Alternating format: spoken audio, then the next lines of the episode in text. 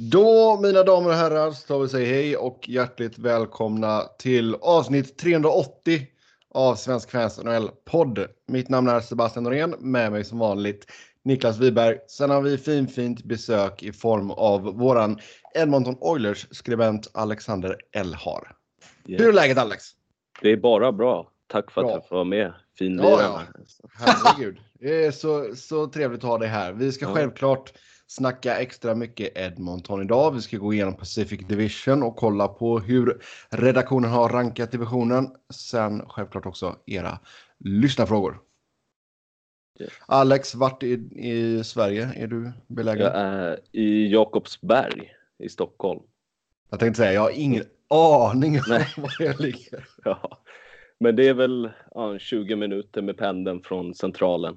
Så att det är hyfsat nära ändå. Ja, okej. Ja, men det är bra. Järfälla kommun, om ni har Ja. koll på det. Ja, men det är bra. Vi ersätter Robin med en annan 08 08 Ja, men exakt. Perfekt. ju. Yes, om vi tar en titt på vad som har hänt i ligan. Eh, jag vet att jag nämnde det ganska snabbt förra avsnittet, men Ben Hutton har ju skrivit på ett ettårskontrakt med LA, 1,5 miljoner. Ja, Fast kul. var kontraktet då klart då? Jag kommer inte ihåg det. Eh, jo, det var det. Alltså det var ju, det hade ju precis kommit ut typ precis innan vi började spela in eller någonting. Men det är Jag skitsamma jag egentligen. kommer inte Alltså. ihåg om det var ute eller om det var rykte bara. Ja, Ben Hutton gör ju varken från eller till. Det enda är ju då att, som jag sa också då, att man är lite osäkra på om Derek Forbort, hur länge han kommer borta helt enkelt. Om Så så är det på de andra är bra eller inte. Mm. Jo, eller man kan vara säkra på att de är dåliga. Aj, alltså de kommer ju vara dåliga. Det, Ja, jag det menar andra känns- också. Alltså. Ja, Sen kommer LA vara det också, men det kommer bli det så småningom. Mm. Det blir ett roligt inslag. Oh, ja. LA. ja, jag ska göra mitt bästa för att hålla modet uppe. Ehm, men den stora grejen var ju Thomas Chabot eh, som kritade på en åttaårsförlängning med Ottawa eh, och en cap hit som landade på 8 miljoner blankt. Och eh, ja du Niklas, hur presenterade Ottawa den här förlängningen? Det var, jag vet inte om jag gillar det eller inte. Ja, det var väl ganska skönt. Det var ju skönt, men det, alltså, de la ju upp den här uh, uh, Toby Maguire Spider-Man klippet där han går och är någon jävla hipster. Kommer folk fortfarande ihåg de filmerna? Nej, man har ju förträngt dem för de var så jävla usla ju. Ja. Men äh, så går han och spatserar på gatan och tycker han är cool som fan och alla tittar på honom som han är jättekonstig. Eh, och sen går han in genom en dörr och såg han ut och är nysignad. Men alla tittar fortfarande på honom jättekonstigt som om han är dum i huvudet. Vilket ju är lämpligt eftersom man bör ju starkt ifrågasätta varför man skriver så långt måtta va? ja, det är sant. Men, Detta är ju inget svårt kontrakt att trada bort ifall de skulle vilja göra det.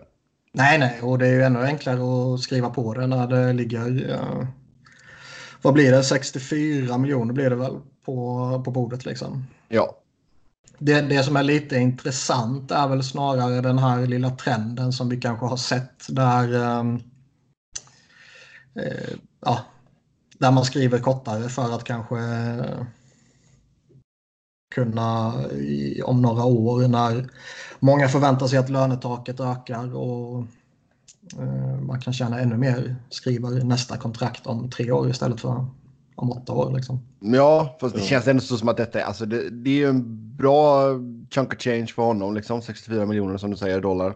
kan man Eh, leva på. den, det Det är göra. sjukt viktigt för organisationen. Oh, ja. Få dem. Nej, det, det, alltså det som förvånar mig lite var ju inga sign-on bonusar. Ja, men det har de inte råd med. ju. Nej, nej, bara- men s- s- nej, seriöst. ja, Ja, jo. nej, så du har ju liksom de första tre åren har du 7, 7, 4, sen 8, 10, 10, 10, 8. Mm. Och sen är det modified no trade på de fyra sista åren. Så alltså, ja. Fast man är ju ändå lite förvånad med, med tanke på vilken jävla kaos den här organisationen är i. Att man inte tar det kortare alternativet för att eventuellt kunna smita därifrån så fort det bara går. Jo. Ja, Man undrar de- lite alltså- hur, hur de har diskuterat där. Och Mm. om de Alltså, har det- lovat honom något speciellt. Eller om, ja. Alltså det, kommer ju, det är ju en av, en av deras viktigaste byggscener, om inte den viktigaste. Ehm, så Det det är väl klart. viktigaste. Ja. Och De har, ju, de har lite vettiga prospects. Det var som vi pratade om för förra avsnittet var det va? När vi tog den divisionen. Eller var det förra? Jag minns fan inte. Nej, inte jag heller. Men, men de har ju lite vettiga prospects och allt sånt här. Och det är det som jag var inne på nyss här också. Det är jävligt viktigt för dem att säkra upp de här. För man har ju sett de senaste vad blir det, de senaste fyra, fem åren och sånt där så har ju nästan alla stora stjärnor stuckit. Ja. Antingen för att de har tvingats bort i, i, i någon trade då, typ senast här nu då. Eller så har eh, typ Daniel Alfredsson självmant valt att lämna liksom. Jo, Det jag har tror det är viktigt. kontroversiellt när de har lämnat också. Ja, exakt. Och det är nog viktigt att få klart detta nu. Alltså han har ju fortfarande ett år kvar på sin entry level kontrakt. Men att du får det ur vägen här nu så att du inte... Jag tror att det är många, som är, alltså många GM som är, blir lite mer liksom, proaktiva här nu med tanke på vad vi har sett den här sommaren med många liksom, high profile names som är RFAs som inte har signat eller som signade väldigt sent. Mm. Ja. Så eh, nej, det är en så bra business för Ottawa. Alltså 8 miljoner. Jag tror inte det kommer dröja länge innan han är värd det. Nej. Han är väl där uppe och luktar på det redan nu. Om han, Mm. om han ligger kvar där kring sina 15-ish mål och 55 poäng så Ja. Och det är spännande att bygga via honom och Brännström också. Det kan Oh ja. bli riktigt fint till slut. ja, det är bara hur Sen de kan, hela laget runt omkring. Ja, och sen kan det fortfarande vara lite så också att Ottawa kanske behöver plussa på lite om man ska i det här fallet behålla och i andra Jo. fall addera spelare. Jo, helt, helt sant. Dels med kanadensiska dollarn och hela det här köret men även för att organisationen brinner. Ja, exakt. Jo, det är, det är ju helt sant. Yes, sen eh, nåddes vi av beskedet att Dan Girardi tar och eh, hänger upp skridskorna. Blev en så eh, 13 säsonger. Verkar ha varit jävligt uppskattad lagkamrat. Ja. Populär. men han var ju inte, han var ju inte bra på slutet. Nej, Så det, det kan det vi var väl på tiden. Ja. Han, han, ja, nej, så är det ju. Han var ju kaos mot slutet. Eh, I synnerhet slutet till Rangers. Mm. Sen hamnade han ju i ett bättre lag och det maskeras ju lite då givetvis. Men eh, han var ju ändå, alltså i sin prime om man säger så, så var han ju ändå en, en klart kompetent spelare. Jo, ja. Jo, det var han ju. Alltså, sen, men det är det som är grejen också. att Ibland har vi spelare som har varit alltså, solida. Han var inte så solid. Mm. Och sen så tappar de det här steget. Eller du vet, spelet har förändrats lite mycket mer fart nu. Och så går det lite för länge. Han hänger kvar lite för länge. Och så blir det bara att man... Man har ju det liksom färskt i minnet. Man bara... "Ih." Så ibland får man ju ta, ta ett steg tillbaka, titta på vad de har gjort, liksom summa Mm. summarum under hela karriären. Liksom. Och då kan man inte säga att Girardi hade en väldigt fin karriär. Klart han hade en bra Ja. karriär. Sen var han ju eh, överbetald och överanvänd under stora delar av sin karriär. Mm. Men, Men det är ju inte hans Ja. fel egentligen. nej, jag tänkte säga det. Det är inte hans fel. Nej. Så så är det med det. Mm. Men han får ändå lämna eh, ligan utan en uh, kupp och det är ju glädjande. Ja. För mig, inte för honom. Jo, det förstår jag. Ja, han vann lite på juniornivå i alla fall. Han får glädja sig åt det. Ja. Japp. Ja, sen Eli Tolvanen skickas ner till AHL. ja, shit, vad händer där egentligen? Han var ju Ja. sjukt alltså, hypad. Han, han ska ha varit jätteduktig under rookie-campen och sen eh, halvt bedrövlig under vanliga campen. Mm. Ja. Och det börjar ju bli lite uh, bastvarning. ja. 35 poäng på 58 matcher i AHL förra året. Mm. Och Det är inget slutspelet. Nej, Ja. precis. Så att, ja, fundera vad som händer där. Jag tror mycket väl att Tolvanen kan vara en sån här spelare som man, man behöver sätta in honom i en kedja och sen låta honom vara där en längre tid. Och inte en sån där spelare som man testar i två matcher och sen så bestämmer sig för att han duger inte. Nej. Det är väl lite Puljujärvi mm. sättet där känns det som att inte få någon kontinuitet någonstans, skickas runt. Och... Ja. Men man är ju ändå förvånad med tanke på hur framträdande han var där borta i KHL. Liksom. Uh, har varit framträdande på, på olika nivåer i, i finska landslaget också. Men det är precis som att man inte kan ta nästa steg. Mm. Nej. Nej, och där är ju också grejen, alltså han är ju... Det är ju liksom ändå en målskytt som vi pratar om också. Kanske är, jag vet inte alltså. Han är en utpräglad sniper. Jo, men jag menar liksom den här, vi snackar om Line som är ganska endimensionell också. Mm. Han är väl någonstans där kanske. Um, och då behöver du sätta honom i en speciell omgivning som du säger och låta honom köra på där. Och har Nashville den platsen öppen för honom? Och det är tålamodet framför allt. Platsen kan de ju skaka fram. Eh, det är väl nog snarare tålamodet kan jag tänka mig. Mm. Man tänker att en sån som Granlund borde passa bra med honom. Men, ja. Alltså, ja, på pappret känns det som att Tolvanen, Duchene och Granlund skulle vara en riktigt intressant andra kedja. Mm. Um, men man kan också tänka sig att Peter Laviolette kanske känner att han är lite on the hot seat och kanske inte vill chansa med en, ehm, en 20-årig utpräglad sniper som inte har varit så värst utpräglad sniper i Nordamerika. Nej. Nej. Um, för som ni säger, Nashville har ju press på sig gå långt och så ta det där. Så att, ja. ja, skulle man det, åka på eh, någon skada i topp 6 så känns det väl som att han kommer komma upp i alla fall. Ja, det känns ju som att han, om, om han inte klappar igenom fullkomligt nere i AHL så borde han ju komma upp under säsongen. Antingen på heltid efter ett genombrott i AHL eller tillfälligt under en skada eller något sånt där för att testas. Mm. Men man har inte läst något uttalande om honom va? Han, nej. Men det skulle inte förvåna det minsta om eh, det går lite tid här nu och sen börjar det gnällas lite över att han är missnöjd med situationen och uh, vill ha en trade. Ja, alltså men det, vi har ju sagt det tidigare, ibland är det ju allt som behövs. Det är ju liksom ett ett miljöombyte. Det är... Men sen ska lagen vara villiga att ta den chansen också. Jag vet inte liksom, om man fortfarande håller honom ganska högt. Vad kan ett pris vara för en tolvande nu då? Jesse Puljujärvi. Jag har också tänkt på det faktiskt. Oj, okej. Okay, ja. Men Puljujärvi går väl inte in. Han vill ju spela topp 6. Mm. Så det blir fan tight i Nashville. Om man ja. inte tar det i Oilers så vad fan. Då, det är ju lite intressant faktiskt. Um, för det är ändå två lite bastvarningar som, som fortfarande har en, en odiskutabel talang. Liksom. Mm. Uh, och där den ena bevisligen inte trivs i sin organisation och där den andra kanske eventuellt kommer göra det så småningom så att säga. Mm. Uh, ja, jag hade inte tackat nej på den chansningen. I och med att Puljujärvi vill ju verkligen inte spela i Oilers. Så. Nej. Sen är det ju lite skillnad i, i liksom...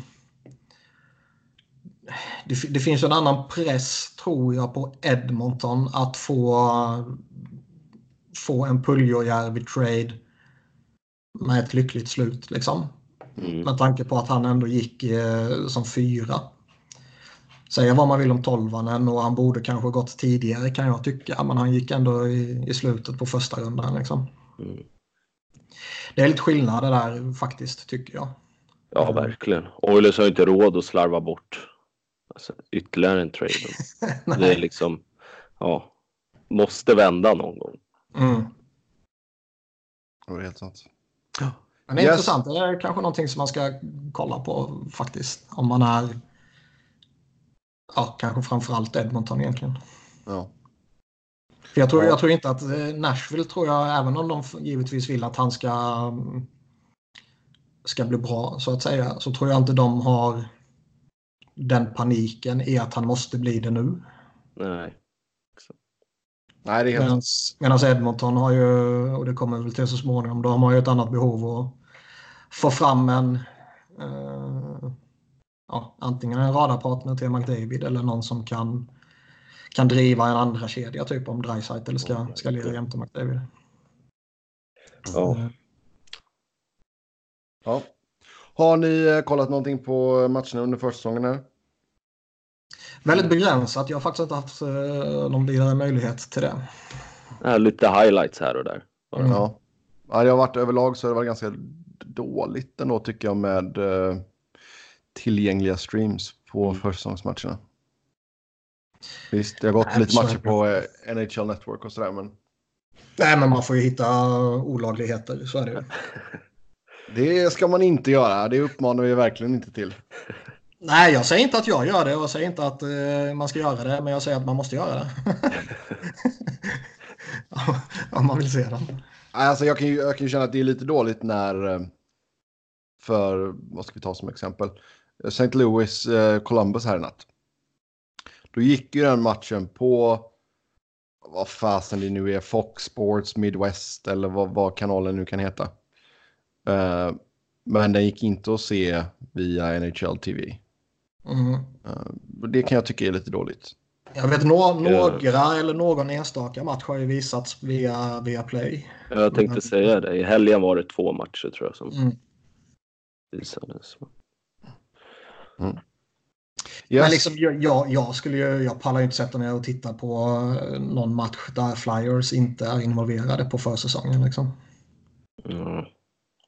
Och då vill du inte se ett lag som bara har typ fem ordinarie spelare och sen resten kids. Fast Rangers har varit jävligt roliga. Jag har kollat highlights där. Ja, De... ja det, skulle väl vara, det skulle väl vara typ Rangers eller Devils med, ja. med någon av de två där såklart. Jag såg lite PP på Rangers. Det kan bli jävligt farligt. Alltså. Mm. Alltså det är ganska roligt också i sådana lägen där lagen har um, typ som Colorado, Minnesota. Då spelade man ju först på, uh, på lördagen i Minnesota. Liksom, då har man tagit halva laget från båda. Ja. Och sen spelar man i Colorado på söndagen. Liksom. Det är verkligen man bara... Du får ju sitta uppe med typ 11 tabs på Elite Prospect och bara kolla upp alla spelare typ. jag, jag tror, var det inte, var det Calgary, Vancouver? Som spelade två matcher samtidigt i två olika ja. arenor. Jag tror det var dem. Ja. ja, men så kan man göra också ibland. Ja, jo, det sker ibland. Jag vet Flyers har gjort något liknande också. Men... Uh, uh, man tycker liksom om, om du spelar träningsmatcher och du ska utvärdera dina spelare så måste det vara enklare att göra det om du kan se dem än att titta på den andra matchen i efterhand på tv. Liksom. Jo. Mm. Nej, alltså det, det, är väl först alltså de här nu. Nu har ju många lag börjat trimma rejält i trupperna. Uh, ja.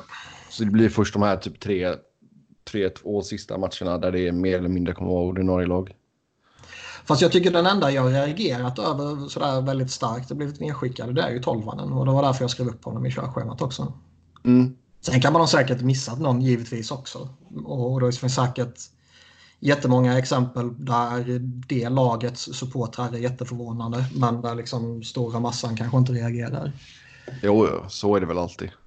Men det känns som att är, är man en top prospect som tolvanen ändå fortfarande är så är det ju anmärkningsvärt att man skickas ner så här relativt tidigt som det ändå är. Jo. Ja, det håller jag med mm.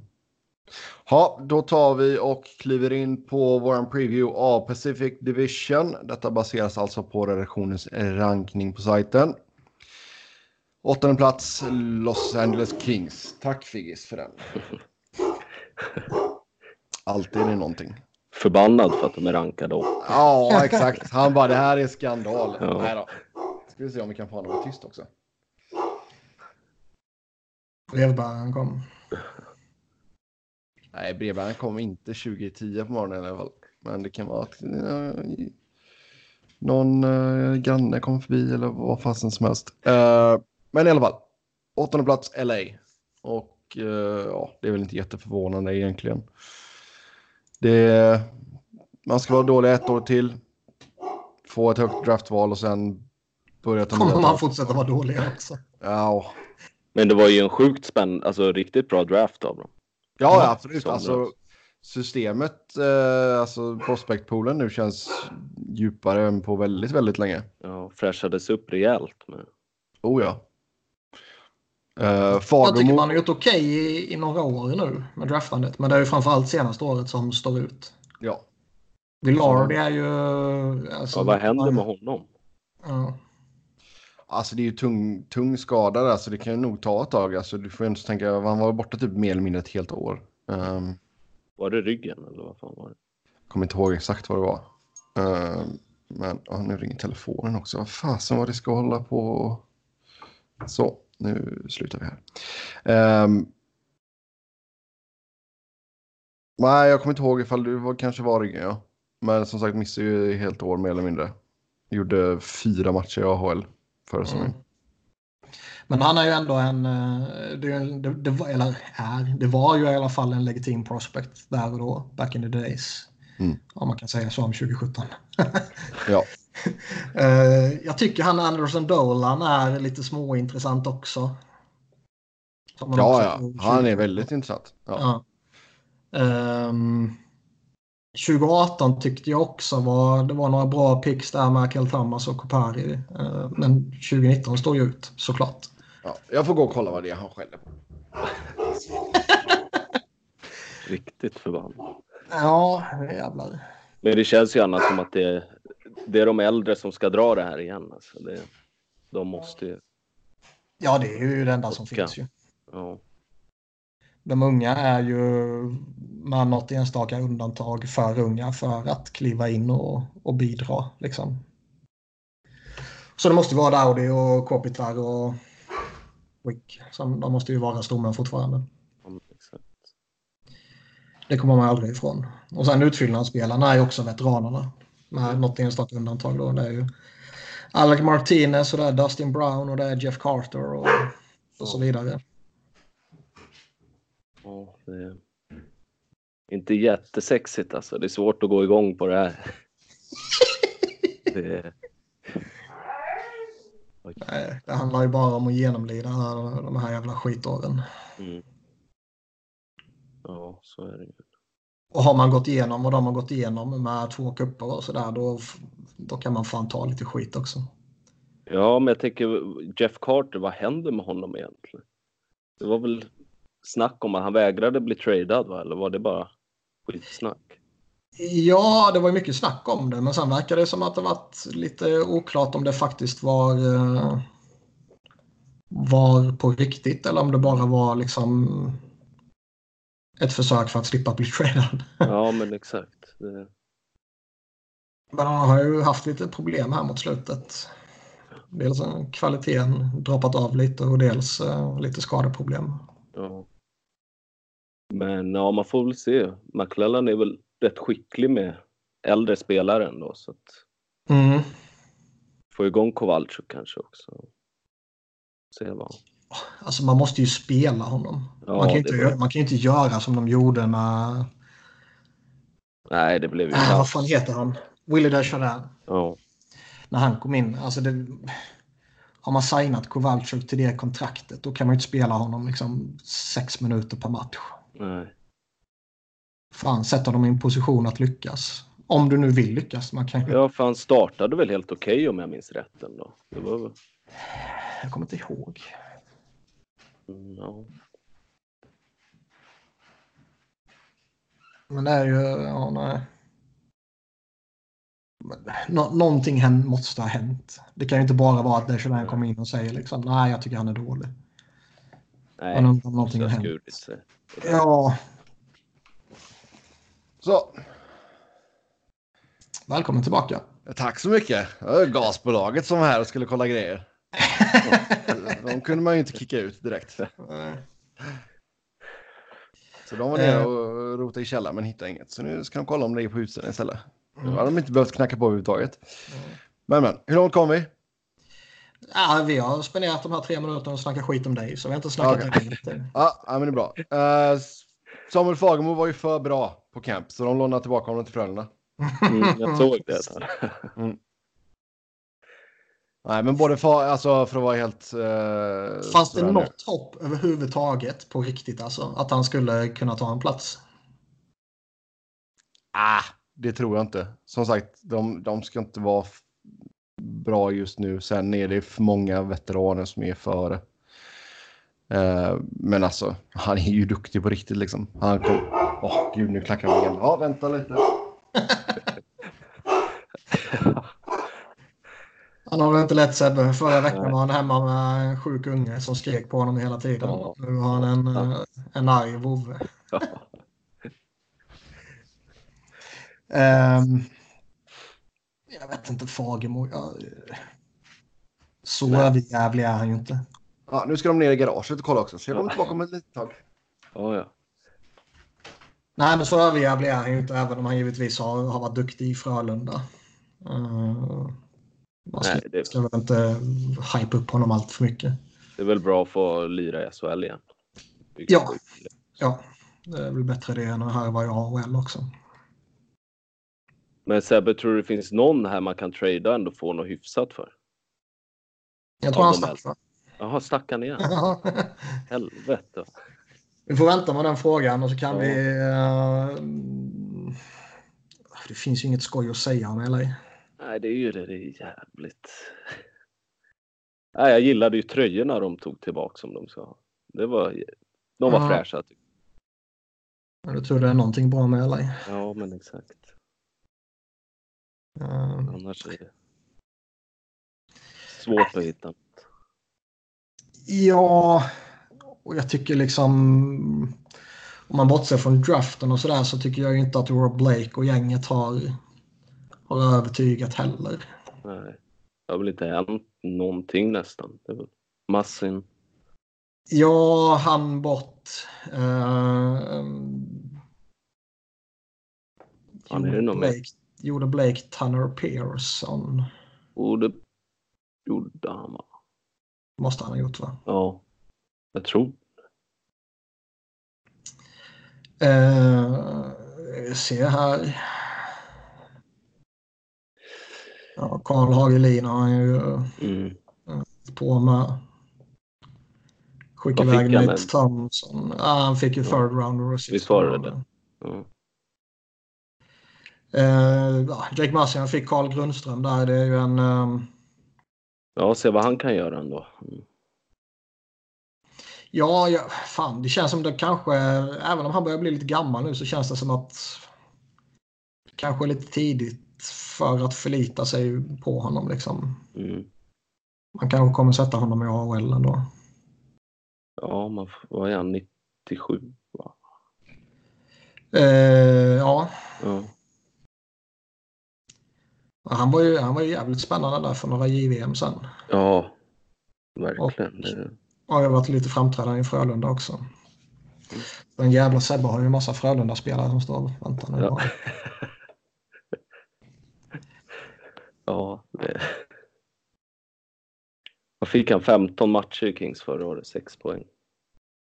Mm. Ja. Det...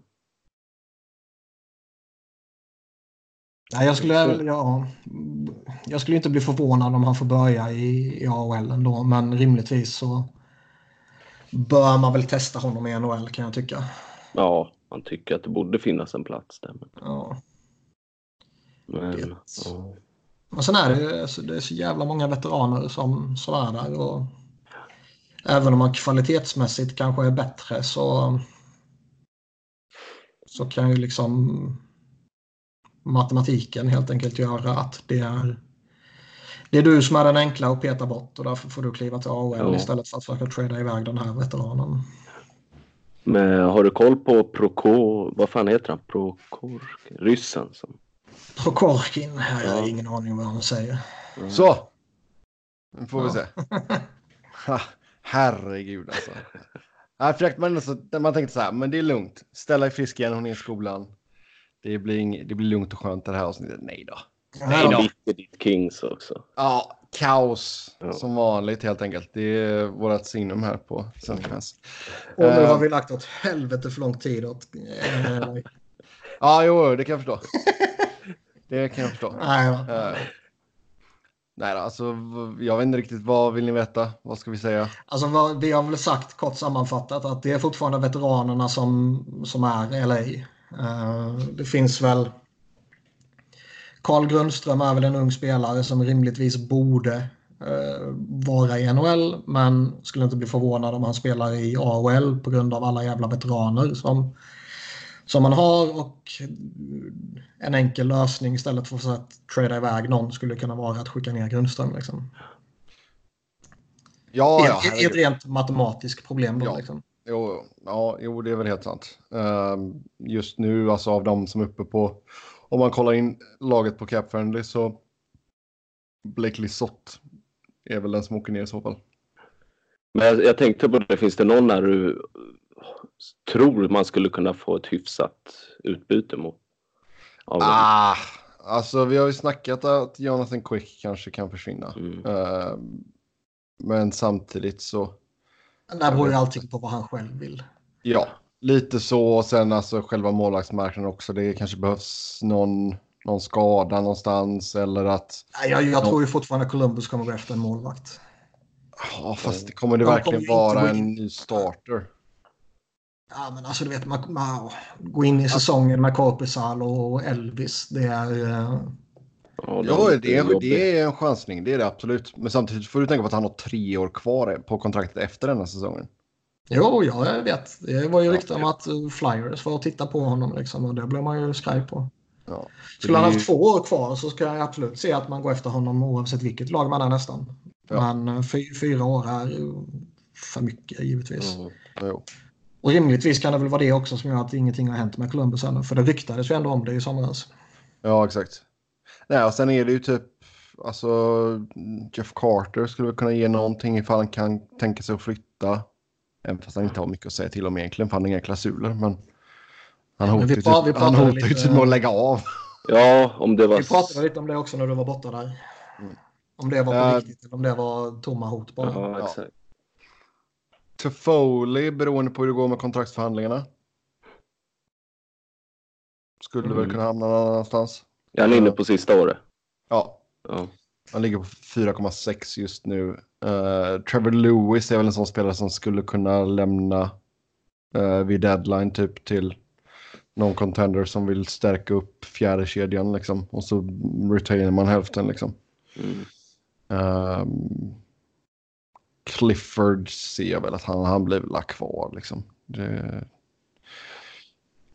det är ju ingen spelare som gör varken från eller till men som uppskattas i laget liksom. Så det, det, han skulle mycket väl kunna få en ny deal. Um, Kowalczyk kanske om någon vill ta en chansning och han går med på att flytta. Ja. Uh, får se lite hur han stöter tillbaka. Om man ja, nej, vi pratade lite om honom att man liksom fan, man måste ju sätta honom i en omgivning där han kan lyckas. Man kan ju inte ja, ja, gå in och sen spela honom sex minuter och hålla på liksom. Det är ju... Han lär ju vara jävligt revanschsugen i alla fall. Mm. Jo, jag tror det är bra. Alltså, Todd, Todd McLellan har ju sagt alla rätta saker. Allt sånt där. Han, han är ju en vettig coach liksom. Dave Hackstall sa också alla rätta saker. jo, men var han en vettig coach då? Nej, men han sa alla vettiga saker. Så ja. bara för att man säger vettiga saker så. ja. Uh, och sen var mer Alec Martinez förutsätter jag nästan att han försvinner. Mm. Ja. Fast det kanske är ett år för tidigt. Kanske.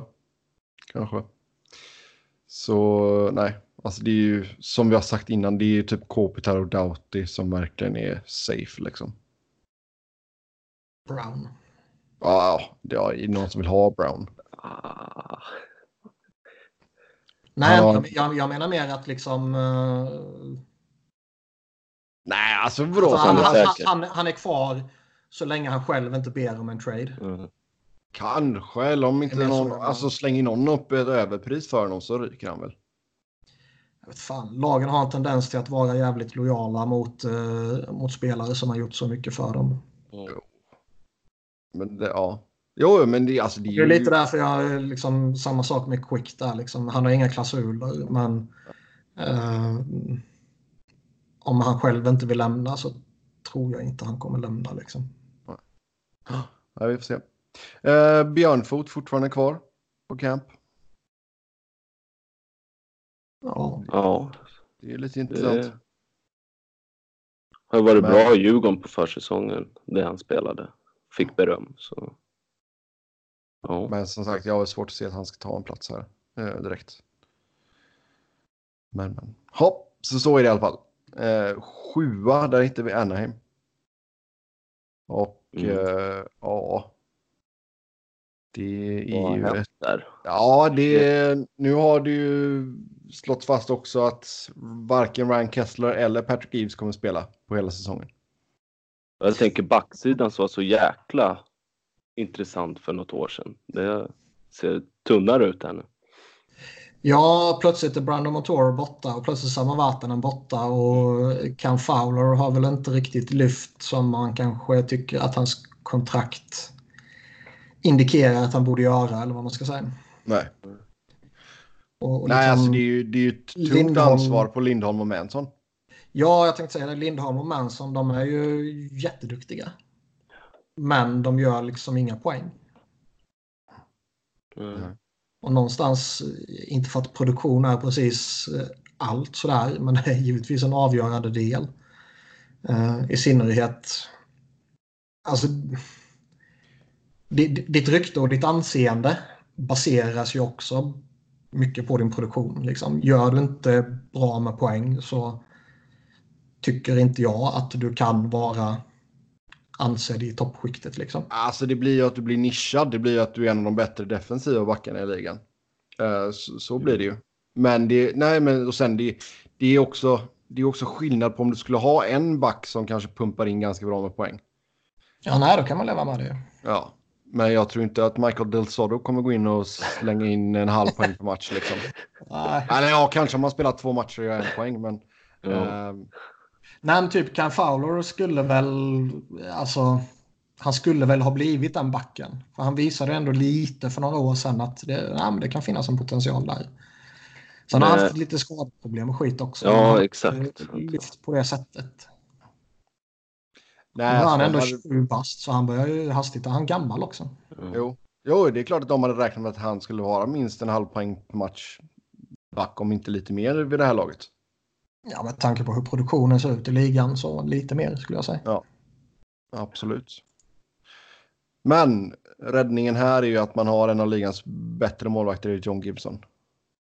Ja, han är fin tycker jag. Ja. Han är jätteduktig, men vi såg också att det inte betydde ett skit förra säsongen när de torskade typ 19 av 20 matcher eller vad fan det var. Nej. Trots att han spelade och var bra. Och efter den perioden där så det var ju då Carlisle. Ja. Han orkar väl inte riktigt Gibson. Eller? Det blev fan. Nej. Och då har de ändå, alltså Ryan Miller, 39 bast nu men han är fortfarande en väldigt duktig backup. Så de har två väldigt bra målvakter och eh, ändå kunde man krascha så hårt som man gjorde. Liksom. Mm. Ja. Men sen är det ju alltså att Kessler inte kunde spela denna säsongen kom ju inte som någon överraskning. Eh, det har ju pratats om det till och från under stora delar av gångna säsongen känns det som och framförallt över sommaren. Jo, men var, alltså, var det verkligen rätt att köpa ut Corey Perry i det läget? Alltså. Corey Perry kommer ju varken göra till eller från för dem. Och han, han är ju skadad också. Så. Inte för att han skulle bli skadad om han skulle varit på Anaheims kamp givetvis. Sådär bara. Men risken fanns ju alltid med honom med tanke på hur det har sett ut för honom. Och um, han har ju ändå rasat. Det kändes väl som att det var dags att göra någonting. Liksom. Ja, man behöver nog göra någonting. Ja, men det känns ja. ju inte som att det har, det har inte kommit in någonting. Nej, men sen samtidigt, väl... de, de har många prospects på gång. Så de har några spännande unga ändå som... De har liksom, ja absolut, de har Max Jones som behöver lotsas in i en riktig roll och Sam Steele tycker jag är lite spännande. Han behöver man släppa loss. Och... Ett bra namn också. Troy Terry är väl också. Ja. Max Comtois. Mm, just det. Ja, nej, men de fyra och sen Daniel Sprong ska man väl breda plats för också kan jag tycka. Och sen så ska man kanske ge både liksom Raquel och Silverberg kanske ska ha lite större roller och inte bara på isen utan kanske i ett omklädningsrum också och där kanske Corey Perry tog upp jättemycket plats. Ja. Uh, Men det känns som att man kommer vara en bit ifrån slutspel.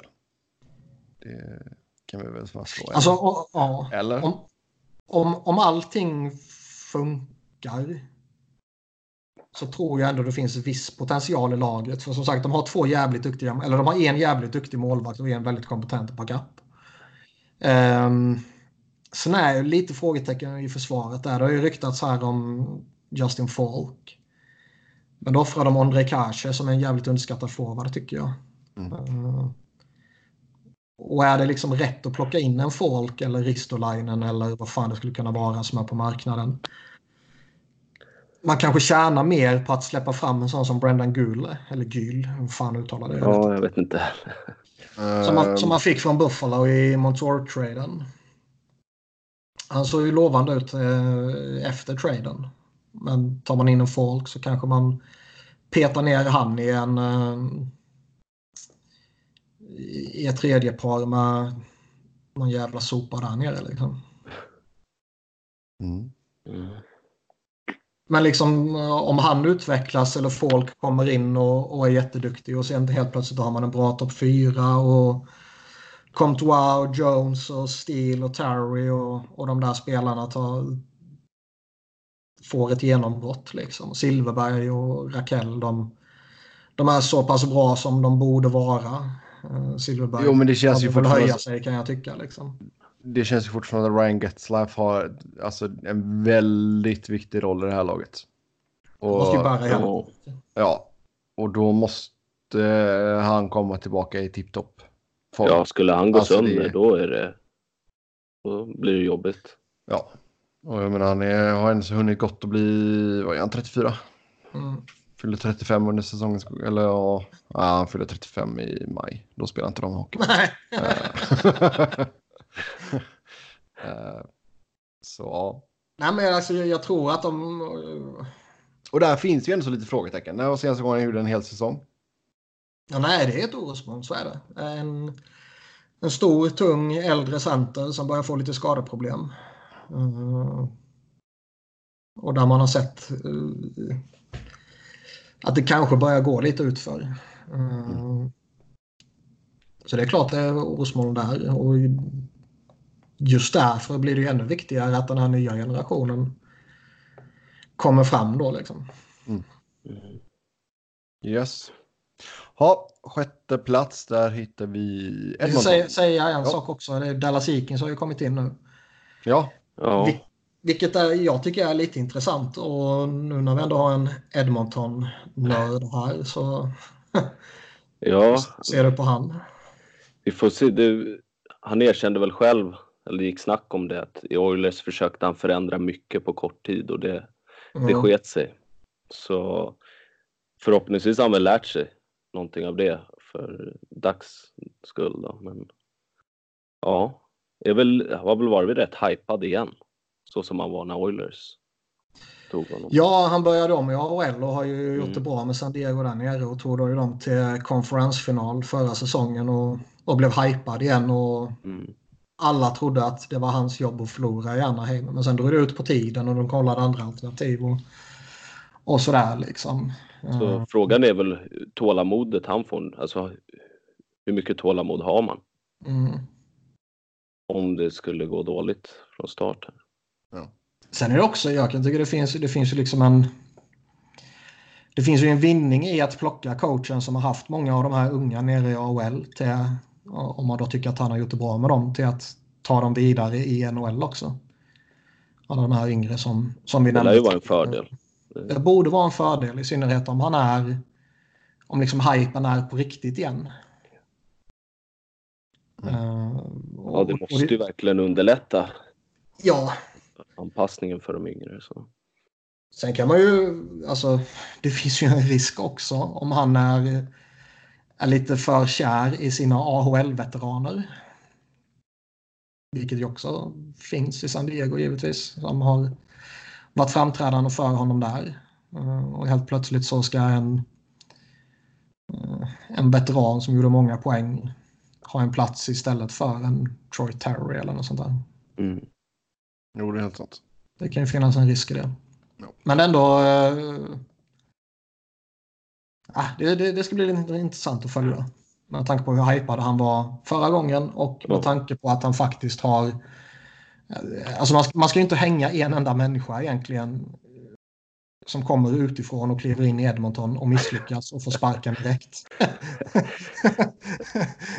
Nej, han var inte först med det. Liksom. Nej.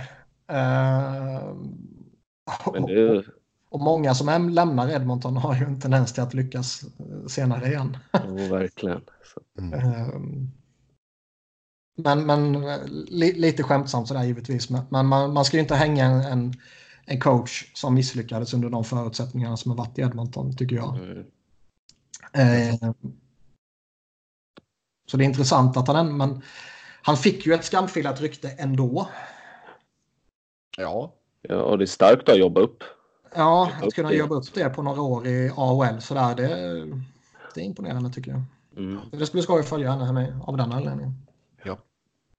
ja då sjätte plats Edmonton Oilers. Och Yes. ja du, Alex. Eh, Ja, var ska vi börja? Vi, ja, vi kan, ska vi börja med eh, beslutet här? Eh, Mikko Koskinen fick ju sitt kontrakt här, 4,5 miljoner capita under pågående säsong förra året. ja det är Det var lite konstigt. märkligt. Det var nog, att alla blev nog chockade över det va? Ja, till och med Mikko själv. Ja, jag tror att de blev jävligt nöjda att gå in. Han bara, de vill ha, ge mig hur mycket? Hur Ja. Ja, ja. Men det fanns ju ingen riktig anledning känner man heller. För jag tror Nej, nej. Det är ingen som hade velat plocka honom efter den säsongen han hade. Jag vet inte, det blev, kändes stressat. Ja, verkligen. Jag gillar att man slänger in en modified no trade-klausul Ja, också. ja, men. Så han har en fem, 15 lag på hans no trade-list. Ja, och jag känner, är det så givet att han tar första platsen? Ja, nu har man ju tagit in Mike Smith här nu på ett ettårskontrakt. De också är revanschsugen och har jobbat med tippet. Så Ja. Jag är inte helt säker på att det är Koskinen som... Nej, Det- alltså. Alltså av de tror- två alternativen så är det ju Smith man borde satsa på. Ja, Det- För där, där finns det ju, det, det finns rätt eh, låg nivå i honom. Men det finns ju en väldigt hög nivå i honom också. Mm. ja, så får du se. Alltså, vi såg ju en så att Smith funkade bra i tippets system i Arizona och jag tror Men inte att. Jag tror inte att tippet kommer att ha ändrat filosofi radikalt från hans tid i med Coyotes. Så eh, det är ju alltså ett defensivt lagt lag. Sen tror inte jag att han kommer liksom kräva att Conor McDavid ska jobba som en jävla tjur i försvaret liksom. Men, Han ska ju bara släppa loss ju. Ja. men jag tror du, liksom- du kommer ju definitivt få mer, mer strukturerat spel i defensiven där mycket fokus ligger på just det defensiva spelet. De lägre kedjorna, de kommer inte stå för mycket poäng framåt. Nej. Det tror jag inte. Han har ju sagt att han vill ha alla, alla fem jobba tillsammans, både Mm. framåt och bakåt. Så att det, och defensiven har ju varit katastrofal. Så. Så jag tror från den synvinkeln så var väl Lenso ett ganska bra val att ta in tippet. Mm. Eh, Ja, det tror jag också. Det, Jag, tror, jag tror det är ett utomordentligt bra val. ja. Eh, sen, sen kan det ju finnas Alltså det kan ju finnas faktorer i Edmonton, lagbygge och så vidare som gör att det inte blir lyckosamt. Men Mm. jag tror att Tippet är en bra coach. Och Ja. jag, jag tycker väl att han, när, när Quenneville försvann från marknaden så var det ju Tippet och Vigneault som var marknadens två bästa coacher. Ja. Sen säger det lite om marknaden som jag har sagt tidigare, men det är ändå den man måste förhålla sig till. Jo, exakt. Och där Eh, underlättade, där underlättade nog att man hade Ken Holland på plats. Som eh, även om han har gjort lite suspekta grejer i, i Detroit här mot slutet så är det ju ändå ett, ett namn som kommer med en jävla respekt. ja, det är Ja, det jag man känner, att det behövdes en sån efter Chiarelli som ändå... Ja, men rutin och han har ju pratat om tålamod också. Och det Mm. behöv, Hur- behövs verkligen i organisationen. Hur skulle du summera Chiarellis eh, tid med eh, Edmonton? Ja, herregud. Alltså jag brukar spela som managerspel ibland och starta om från när Chiarelli tog över. Alltså bara få göra rätt. Det var inte många rätt under den, de åren. Alltså. Det, ja, går det att göra det sämre? Det är ju frågan. Alltså, det, det, går ju typ inte att göra det sämre om din ambition är att göra något bra. Om du, om du, bara vill rasera hela skiten så kan du ju rasera skiten givetvis. Mm. Men om ambitionen är att faktiskt försöka göra någonting bra. Eh, vilket man ju får anta att hans ambition var. Mm. Och det är liksom, jag tror den där slutspelsplatsen gav dem en skev självbild. Att det gick lite för snabbt. Mm. Blev så jävla taggade och liksom trodde att man var bättre än vad man var. Så ja. Det är en klassisk fälla att gå in i. Ja. Så ja, det är så att många lag Traden också, den, just i den draften också. När man ger bort två tidiga. Som man hade kunnat bygga mycket på. Så ja, det, det finns mycket att gå igenom som man skulle vilja göra om. Ja. Men med den lagledningen som är på plats här nu känns det ändå så som att man är, har tagit ett kliv i rätt riktning eller? Verkligen. Och det var som du sa innan, säger rätt saker, det har ju Holland gjort. Så känns betydligt bättre. Men jag tänker bara på Koskinen där, skulle han inte ta första spaden så då är det ett jobbigt kontrakt att ha på bänken. Alltså. Mm. Så ja, vi får se. De lär ju slåss om det i alla fall ordentligt. Så. Det ska man ju faktiskt alltid göra om man har McDavid och i synnerhet om Dreisaitl kommer ligga kvar på samma nivå. Mm. Ja.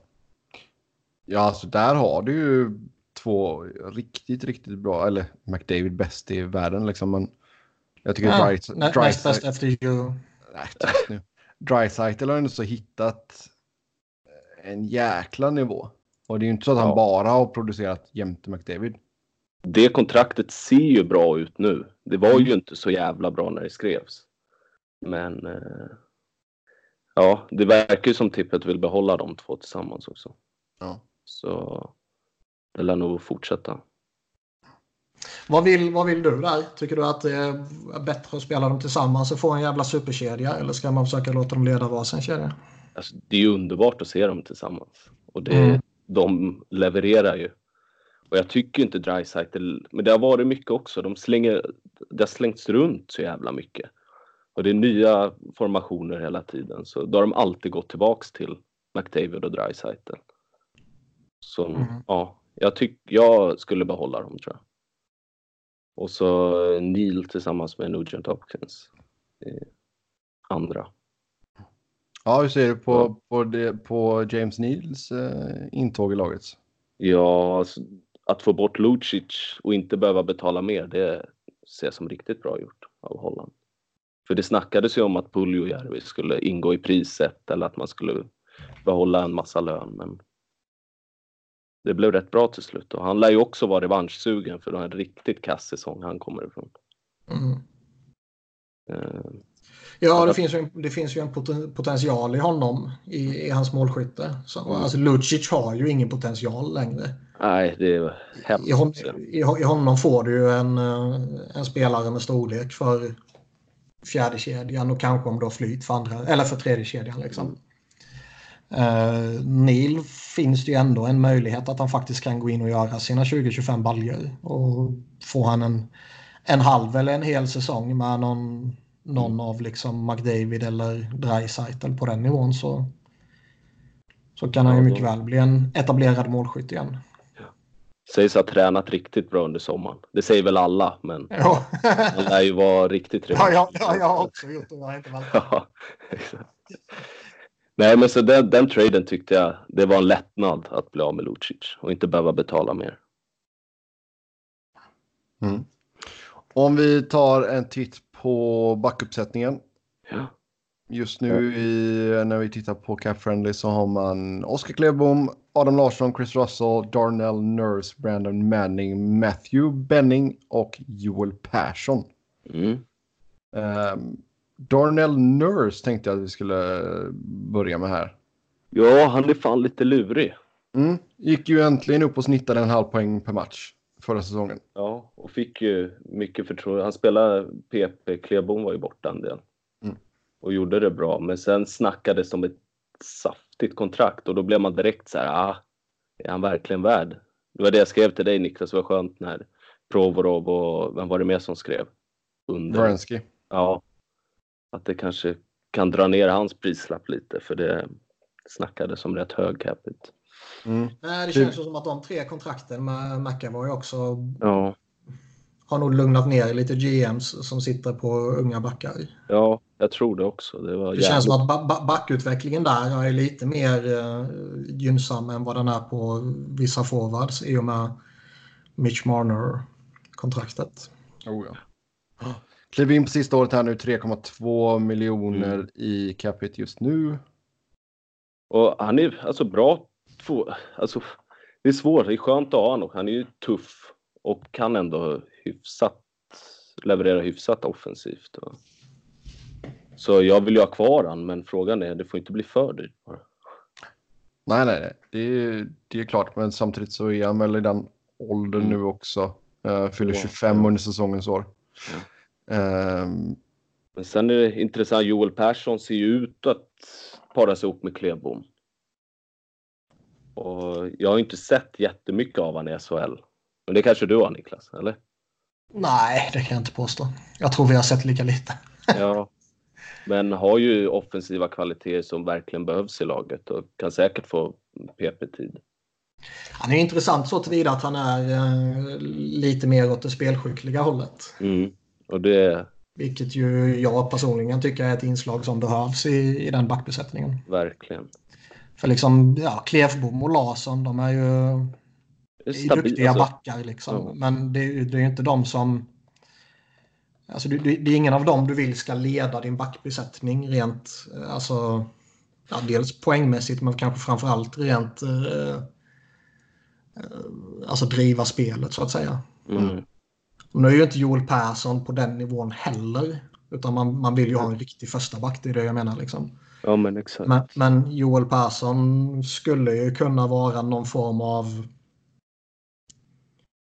paniklösning i att man får den spelartypen. Sen att det är klart sämre kvalitet än en, än en riktig första back såklart. Men ändå ett, ett inslag i försvaret som jag tycker behövs. Ja. Och här har man ju sen, det kommer ju jäkligt intressanta backar. Mm. Som kommer underifrån. Men det är ju också det där, Oilers har ju varit bra på att stressa talang oh, ja. tidigare. Och det har man varit, Holland har ju sagt att det, liksom, det ska inte skickas in direkt. Men, nej, nej, han har ju i Detroit så fick de ju spela sju år i AHL. Ja, Kom in. ja, ja så länge hoppas jag nu. Men, men där är ju Evan Bouchard är ju också en sån som man har skrikit om. Ja, han kommer bli fin, det tror jag. Ja. Dominant i OHL ju så. Men Broberg kommer bra också förmodligen.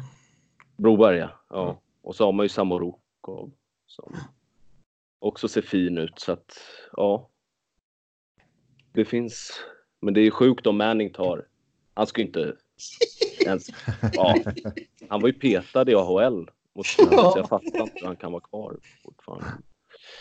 Få en bra backuppsättning. Ja, bra backuppsättning i, i Bakersfield i alla fall. Ja. Nej, men där med de yngre, där, det är spännande i Bakersfield ändå. De, det var länge för dem att de måste spela i Bakersfield. Ja, ja. Men Bouchard, eh, finns det möjlighet att han tar en NHL-plats eller? Det tror jag. Han har ju imponerat nu på under training camp. Men det är ju det där, då ska han ju inte spela i tredje backparet. Då måste Nej, han... man ska väl slänga in honom med Klevbom typ. Ja, exakt. Och då är det så här, ja, Joel Persson, vad händer då mm. med honom? Ska han lira tredje backpar eller ja? Han känns ju också som en sån som måste ha speltid för att få ut sina kvaliteter. Så. Det, men det senaste är väl att Bouchard startar i Bakersfield, men vi får se. Mm. Kan säkert han få komma upp och... Jag tänkte säga, kanske han får göra en drycycle, lira en handfull matcher och sen så bara, jag är för bra för detta. Ja, men exakt. Så. Ja, det blir spännande att följa i alla fall. Ja. För det tycker jag ändå som man såg. Jag, förmånen ska jag inte säga att jag hade, men jag såg, jag såg ju Dragtitles matcher i Bakersfield. Mm. Uh, och även fast inte han, jag tror bara han gjorde typ ett mål eller någonting, men man såg ju att den här killen skulle inte vara på den här nivån liksom. Uh, så nej, det blir intressant att följa där i alla fall. Det är, som sagt, man har ju lite spännande ungdomar. Eh, tittar vi på forwardsidan, ja, vi har ju snackat om McDavid och Dreisaitl såklart. Eh, Nugent Hopkins har ju varit hackkyckling under många år känns det som. Ja, men det, som jag skrev inför den, har han haft sju tränare på nio år tror jag. Och liksom kastas runt. Nej, så det finns ju kanske en anledning till att det inte riktigt har lossnat. Mm. Förrän i ja, förra säsongen. Men... Eh, ja. Ett till in, svenskt inslag där, Joakim Nygård. Mm. Han ser ju faktiskt, han kanske hamnar bredvid Nugent Hopkins. Det finns ju hål där mm. i topp 6. Så han, Nugent Hopkins och Neil har ser ut att kanske kunna börja där tillsammans. Helt okej okay omgivningen då. Ja, verkligen. Och blir väl nyttig i boxplay, mm. antar jag. För där har man ju också varit riktigt dåliga. Så han lär nog få en ganska viktig roll där. Ja. Ja, Men... en annan som är bekant med tippet är ju Sam Gagné. Mm. Ja, det är fan svårt. De har ju så sjukt många bottom six-lirare känns det som nu. Det, jag vet inte riktigt vad man ska göra med alla. Nej, men alltså där vi såg väl att fram, framgångsreceptet för Garnier, det hittade man ju i Columbus där. Ja. Ge han en skyddad roll och sen får han lira i PP liksom. Ja, och det kan säkert bli så här. Det tror jag, men eh, det är ju några som slåss om det. Det är rätt tajt om. Alex Chasson är ju också med där. Och, ska ja. ha. och Archibald plockade man in, Granlund. Och Riley Sheehan kommer väl centra fjärdelinan och och Gaetan Haas, schweizaren, ska ju in. Så ja, jag vet inte fan, det är tajt om de platserna. Mm. Men det känns ju som att länge man har Gagné på, på rosten så måste man ju försöka liksom få ut det som han ändå har i sig. Mm. Han hade ju några säsonger där, det är inte så jättelänge sedan, där han ändå gjorde en hygglig poängskörd i Arizona, Philly, Columbus och Vancouver. Ja.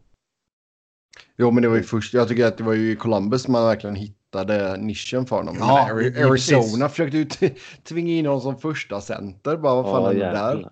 Jo, nej, givetvis. Men det, jag menar, det finns ju ändå en, det finns ju en skicklighet i honom som oh, man ja. försöka ha ett intresse av att kräva fram på något jävla vänster. Ja, det tycker jag också. Och han verkar vara populär spelare också, alltså i mm. omklädningsrummet och det. Mm. Sånt är alltid viktigt också. Så, mm. så ja, men som sagt, de lär, det är många som slåss om eh, bottom six-platserna. Mm. Ja, eh, något annat du vill säga om Edmonton innan vi går vidare? Mm, de plockade in ryssen Burdasov på PTO också. Ytterligare en sån här, ja vad fan, vart ska man sätta in honom? Men han fick beröm efter första matchen. Mm. Så ja, får se om man väljer att skriva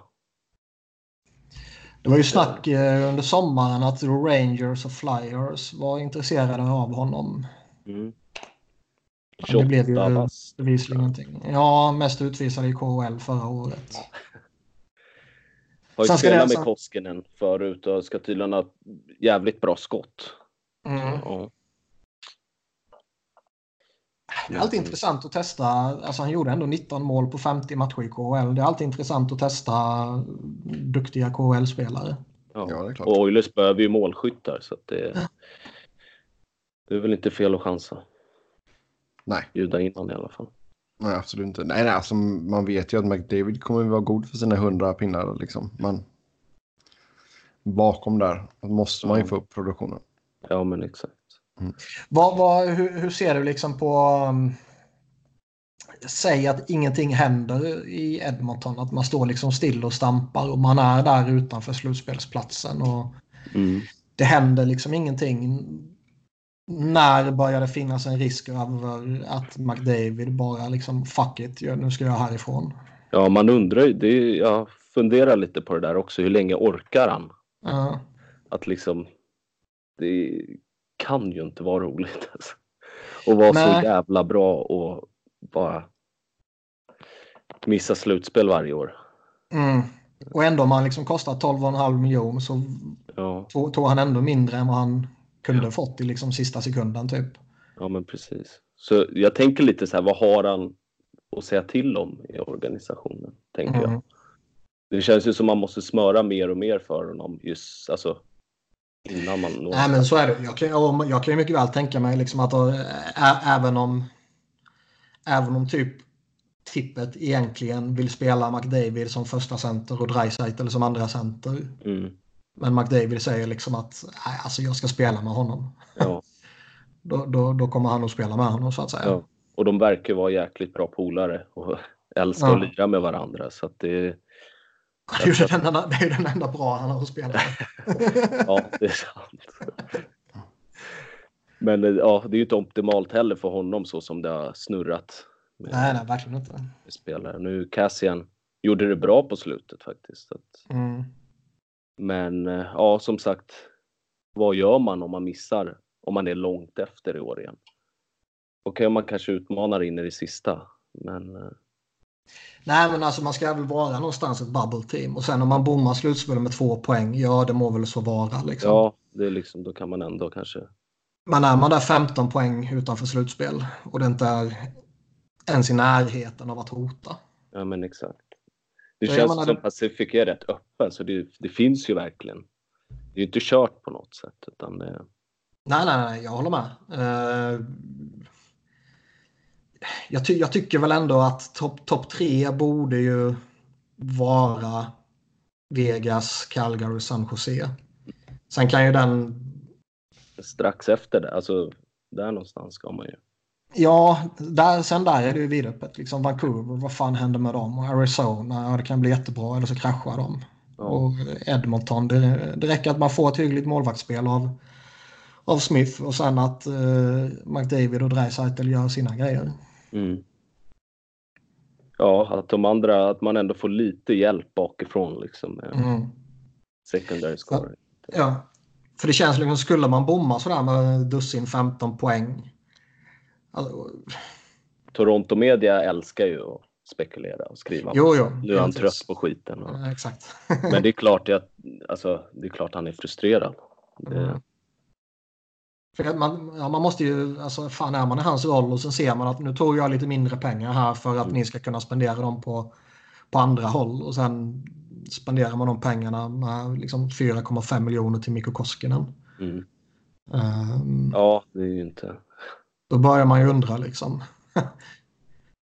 Då går man Ja, och men- stjäl, stjäl, stjäl varannat lönekuvert från Koskinen för att liksom, det här är mina pengar egentligen. Ja, nej, det är... Men därför jag tänker med Puljujärvi om man tradar honom, eller när man tradar honom, att det är, det är fan viktigt att få in något.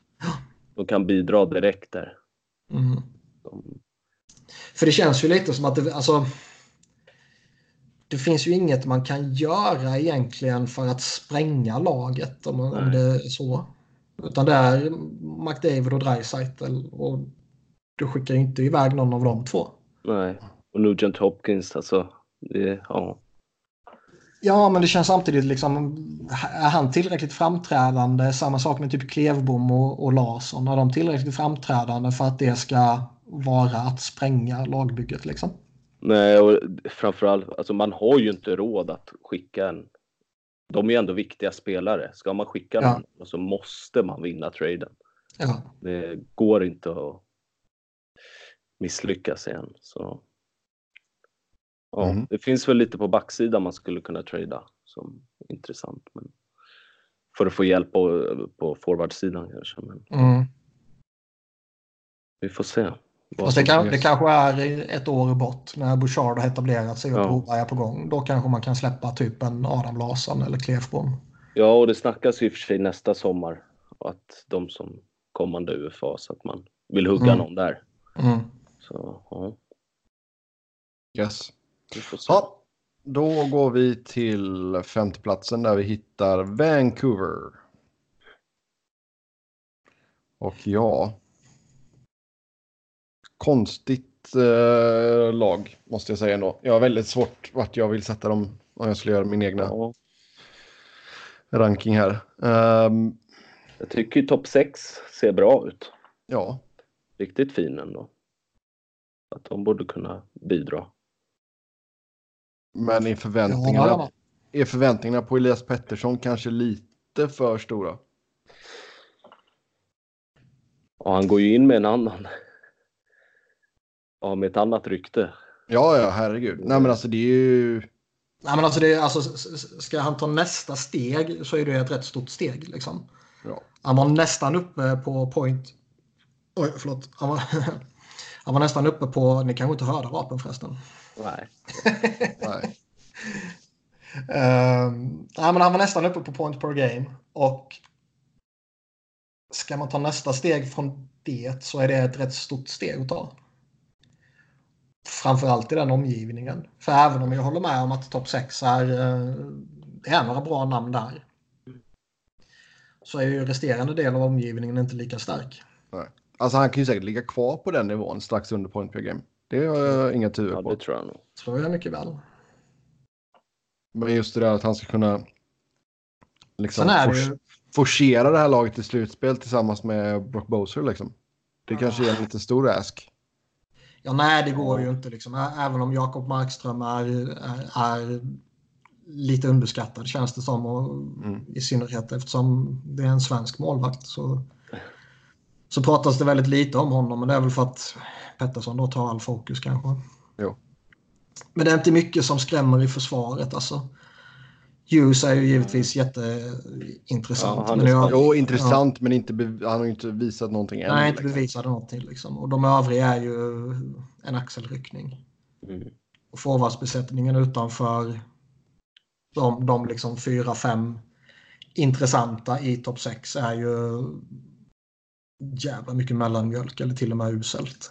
Jo. jo, det är ju som vi har sagt alltså, när vi har snackat Vancouver innan också. Att man, du har ju väldigt många spelare som har- är lite för välbetalda liksom. Mm.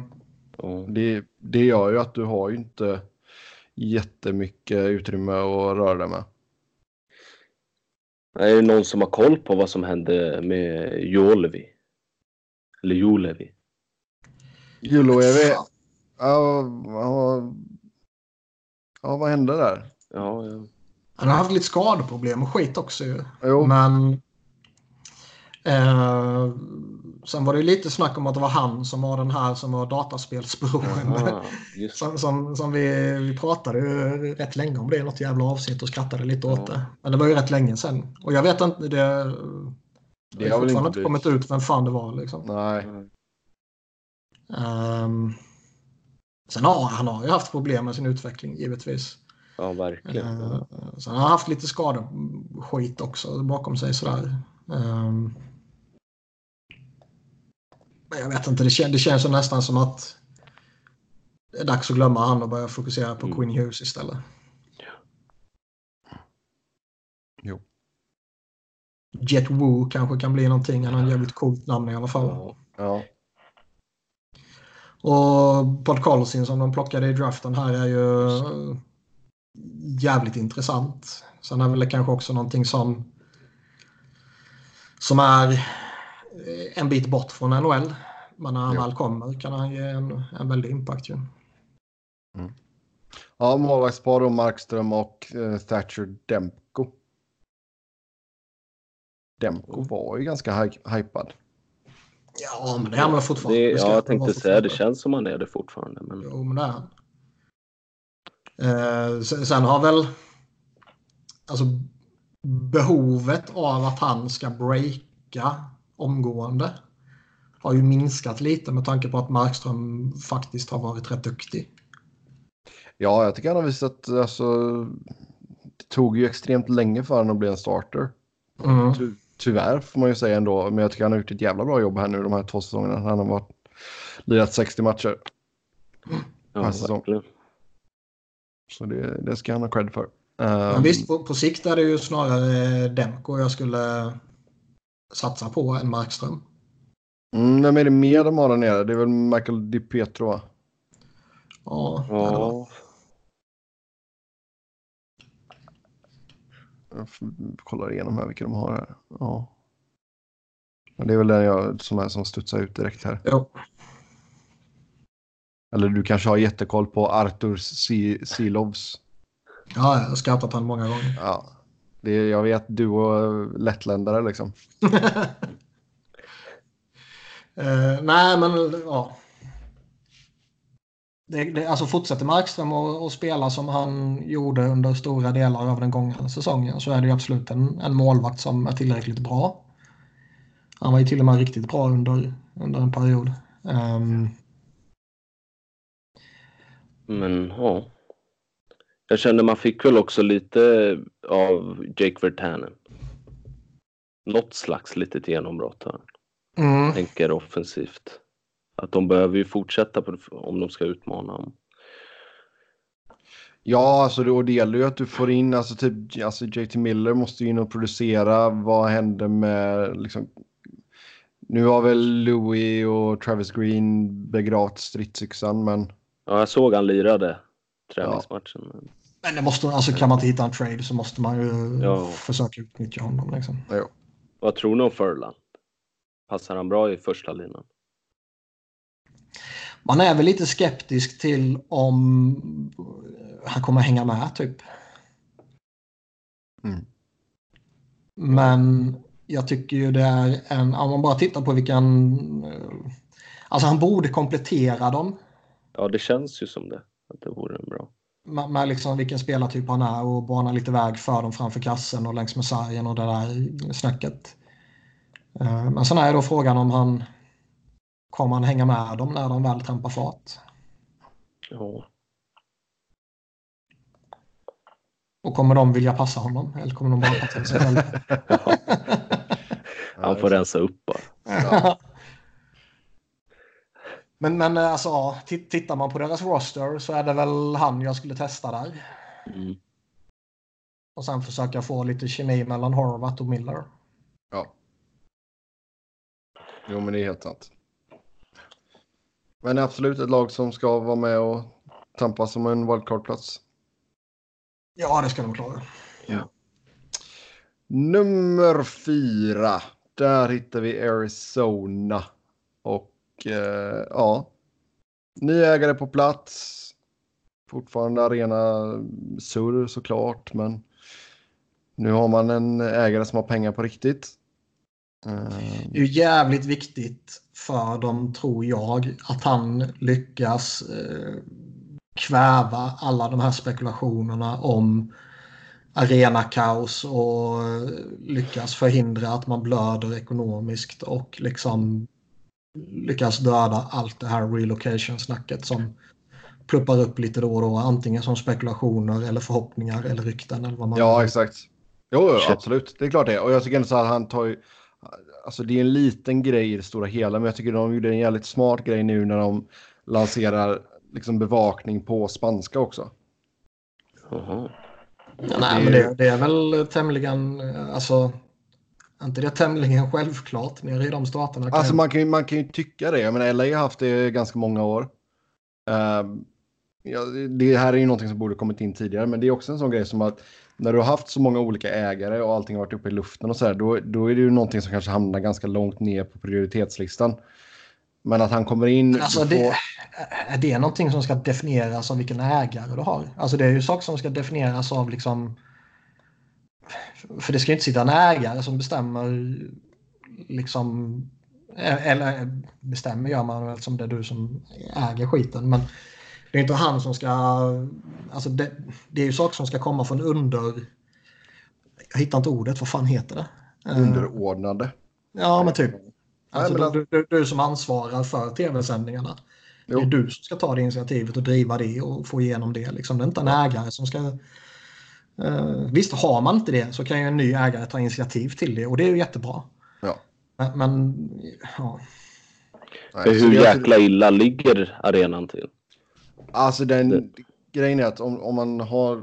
Det är ju liksom Metropolitan Phoenix-området är ju jävligt utbrett. Uh, och den ligger ju nordöst blir det. Nej, nordväst blir det. Ja. Uh, i Nej, jag kan geografin i Phoenix bättre. Ah, ja, lugn här nu. Jag, jag försökte liksom få upp mentala kartan här. Nordväst. Jag har en riktig karta framför mig. Det är ja, ja, det är bra. uh, men liksom stora delar av fanbasen är ju i liksom östra delen av uh, ja, okay. The Valley så att säga. Och realiteten är ju att Phoenix trafiksituation är rent ut sagt bedrövlig. Uh, så det kan ju ta dig allt mellan en och en halv till två timmar att ta dig till match. Mm. Om det är under rusningstrafik. Ja, då blir man ju inte så jävla sugen. Nej. Och... Det känns inte som att en, en bra start är sjukt viktig för dem. Jo, det tror jag. Men, jag, men jag, alltså, du, du har ändå byggt lite hype här nu. Du fick in Phil Kessel. Mm. Det tror jag har gjort en jävla massa. Du fick det är ju en jävla star power som ja. de inte har haft sen liksom typ Jeremy Roenick och Keith Tashak när de härjade som bäst. Ja, så du har fått in eh, liksom riktigt affischnamn. Du har fått in en ny ägare.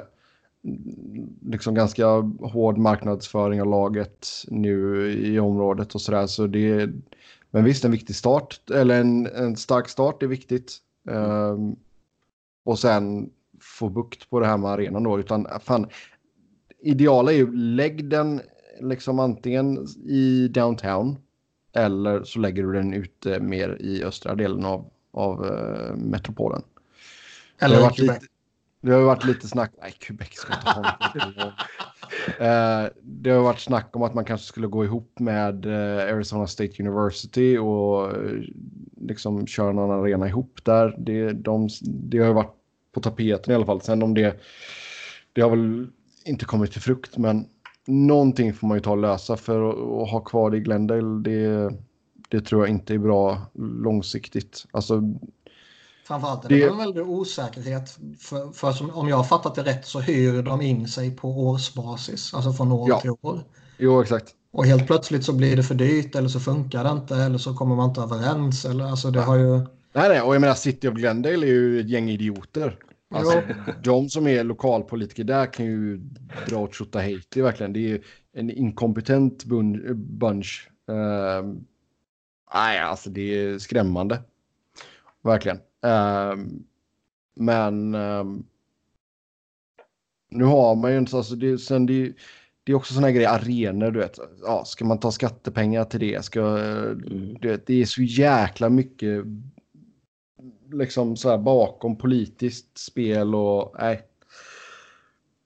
Det är ju nästan som man önskar bara att han säger att ah, fan skitsamma, jag betalar för det. Så nu kör vi liksom. Mm. Uh, Sen skulle ju det vara en jäklig investering också för det känns som att du kan ju inte bygga en arena för under 500 miljoner dollar längre. Nej, och det är en jävla chansning att göra det som ja, det är klart det. ägare när man, när man inte riktigt vet. Alltså, det är ju en sak om det är liksom Montreal. Det är jävla tryck hela tiden och man vet att ja, vad som än händer de närmsta 20 åren så kommer vi vara i Montreal. Typ. Man har jo, ditt lag omgärdats av flyttrykten i 15 år typ. jo. jo, men att det blir liksom en, en marquee liksom eventcenter. För jag menar, även om du kollar på typ Las Vegas, jag menar T-Mobile Arena, även fast du har massa olika arenor i Las Vegas-området. T-Mobile har ju liksom, ja, det är UFC-events, det är konserter. Jag menar, det är, konserter det är inte, ja, mm. det är inte många dagar den står tom liksom. Nej, och så är det ju många arenor. Det, är, det är ju fan ett måste för att kunna driva en arena idag. Så. Det har också varit problemet i Glendale att det, det, har varit så jäkla dålig beläggning på arenan eh, utöver hockeyn. Sen är det folk som klagar på att ja, men folk åker ut för, att, för amerikanska fotbollsstadion ligger ju precis bredvid. Okay. Eh, folk bara, ja, men de åker ut för det. Ja, men det är åtta hemmamatcher på, om året liksom. Mm. Det är en helt annan grej än att släppa sig hela den vägen för 41 matcher liksom. Ja.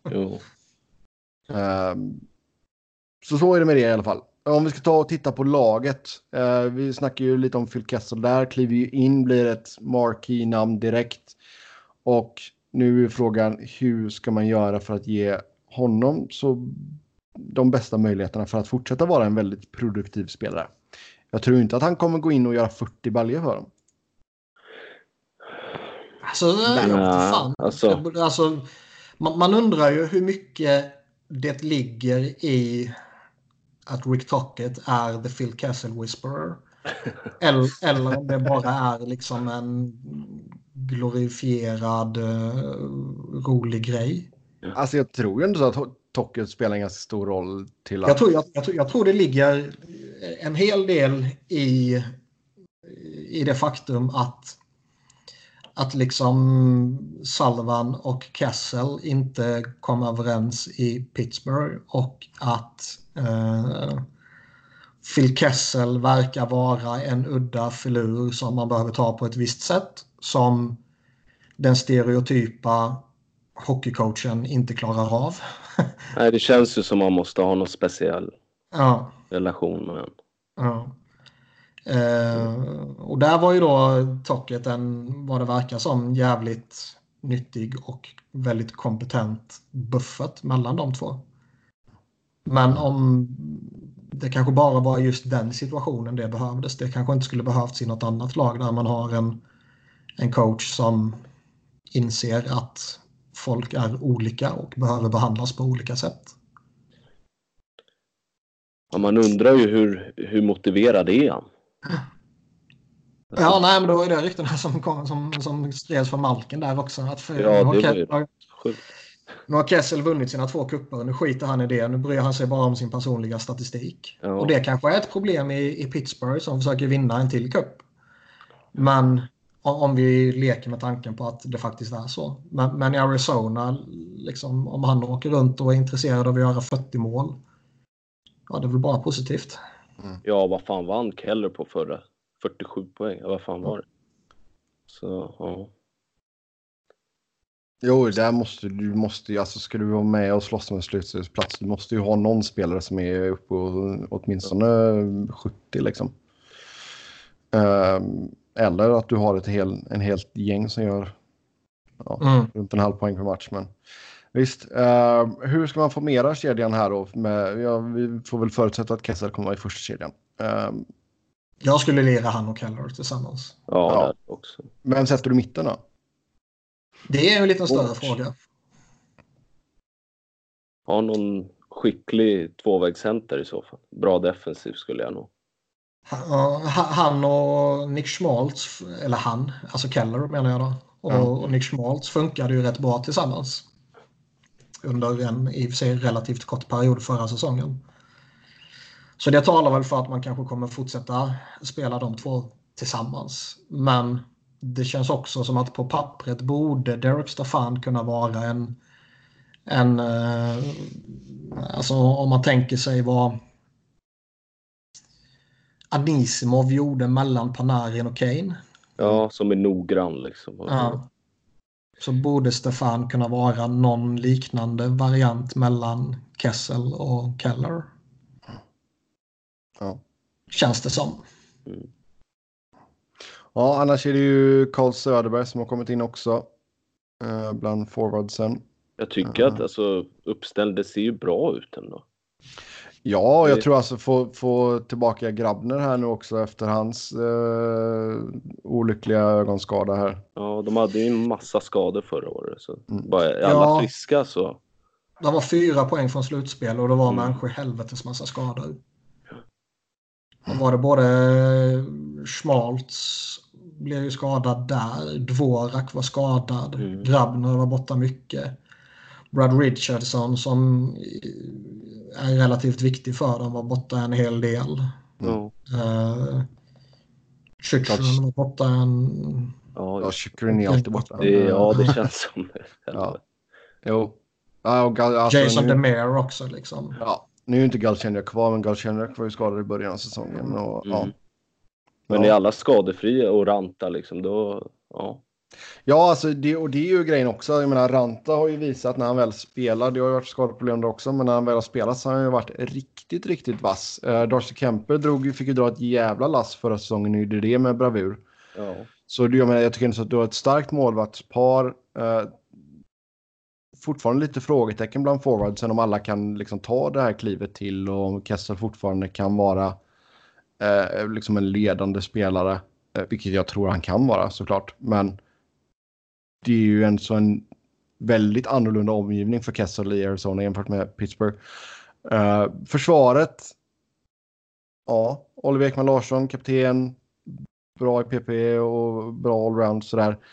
Niklas Hjalmarsson har ju sagt att han kommer in jäkligt motiverad den här säsongen. Ja men topp fyra ser väl bra ut. Tycker jag. Alltså jag tycker Ja, det finns potential i hela försvaret. Liksom. Ekman Larsson tycker jag ju... Han behöver steppa upp nu när han är en av ligans dyraste backar. Uh, Han har ju gått från att vara ett fynd på hans gamla kontrakt till att vara lite skakig på hans nya kontrakt. Och fram till Sebbe får in honom i ett nytt avsnitt här så kommer han ju fortfarande vara ifrågasatt. Ja. Ehm, för även om det, är liksom, det, det är okej okay, okay att ligga på en halv poäng per match. Liksom. Det, det är en rätt solid summa. Men jo, han men behöver tror göra mer. Ja, det, och det tror jag han vill också. Men stor faktor där är ju också att han får vara frisk. Jo. jag menar, det är ju en spelare som har alltså gång efter annan spelat halvskadad under väldigt stora perioder av säsongen. Ehm, det, och nu var det ju skit i somras med hundbett och Det var någon annan skit också. Ja, han gjorde någon mindre, någon mindre grej här, läste jag Craig Morgan har sagt. Eh, något mindre ingrepp och sådär. Men nu, nu, ska han ju, nu var han ju med och spela här senast eh, och verkar vara Mm. frisk och kry. Och det, är- det är viktigt för dem, speciellt till PP då när han ska vara quarterback. Eh, och sen är ju frågan då, sätter du honom med Hjalmarsson eller sätter du honom med Demers? Jag tycker han funkar bra med Demers när de spelar ihop. Såg också ganska bra ut med Hjalmarsson när de fick spela ihop. Så det är ju bara en smaksak egentligen. Och sen har du ju, ja, Goligoski får väl ta högerbacksplatsen i tredje paret liksom. Uh, Chikrin, det finns potential där. Frågan är mer ifall du kan få någon offensiv uppsida av honom eller om han bara blir en riktigt bra tvåvägsback liksom. Jo, Han är skadefri nu. Han är också fri, frisk just nu ja. För tillfället. För tillfället. ja. Och sen ja, Jordan Osterley. Ja, jag vet inte. Det är väl en helt okej. Helt okej. ja. Helt okej. Ja. Den här ryssen, Ilja Lyubushkin. Lybushkin ja. Ja. Det känns ju ändå som att han är eh, utöver Jason Demare så är han deras högerfattade back. Ja. Det, Jo, det borde väl det kan- kun, det borde kunna ge ett litet övertag i liksom kampen om den här sjätteplatsen. Ja. Jo, det tror jag. Det tror jag absolut. Ehm, men sen vill de ju ha... De vill väl både ha Hjalmarsson till höger och jag tror Hjalmarsson vill spela till höger. Ehm, Jo, jo, men så har du Demare och sen har du Lyubushkin i så fall. Kanske Goligoski får käka popcorn. Ja, han kan vi spela till vänster också. Ja. Får Åsele spela käka popcorn. Ja, alltså jag, Någon- spelar, ju, jag spelar ju hellre Goligoski än uh, Austerley. Någon ska Det, äta det finns ju ändå, även om han börjar bli, bli äldre och lite sådär, så tycker jag ändå det finns en viss... eh, det finns ju ett högre tak i honom än Austerley. Jo, det är sant. Mm. Nej, så det är visst, får man utdelning på allting så ser det eh, riktigt, riktigt spännande ut faktiskt. Eh, Viktor Söderström har ju ändå gjort det bra under camp, men eh, Mm. kommer ju antingen att köra AHL eller tillbaka till Sverige.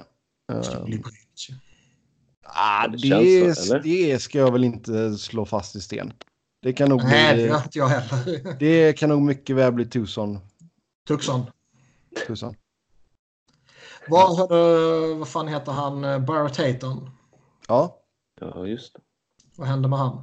Det finns väl någon chans att han får nio matcher i alla fall. Och kollar hur det ser ut. Mm. Men det är, det är ju inte Nej, för någon de som... behöll ju honom förra säsongen utan att han fick spela någonting. Ja, Och det är ju dumt. ja.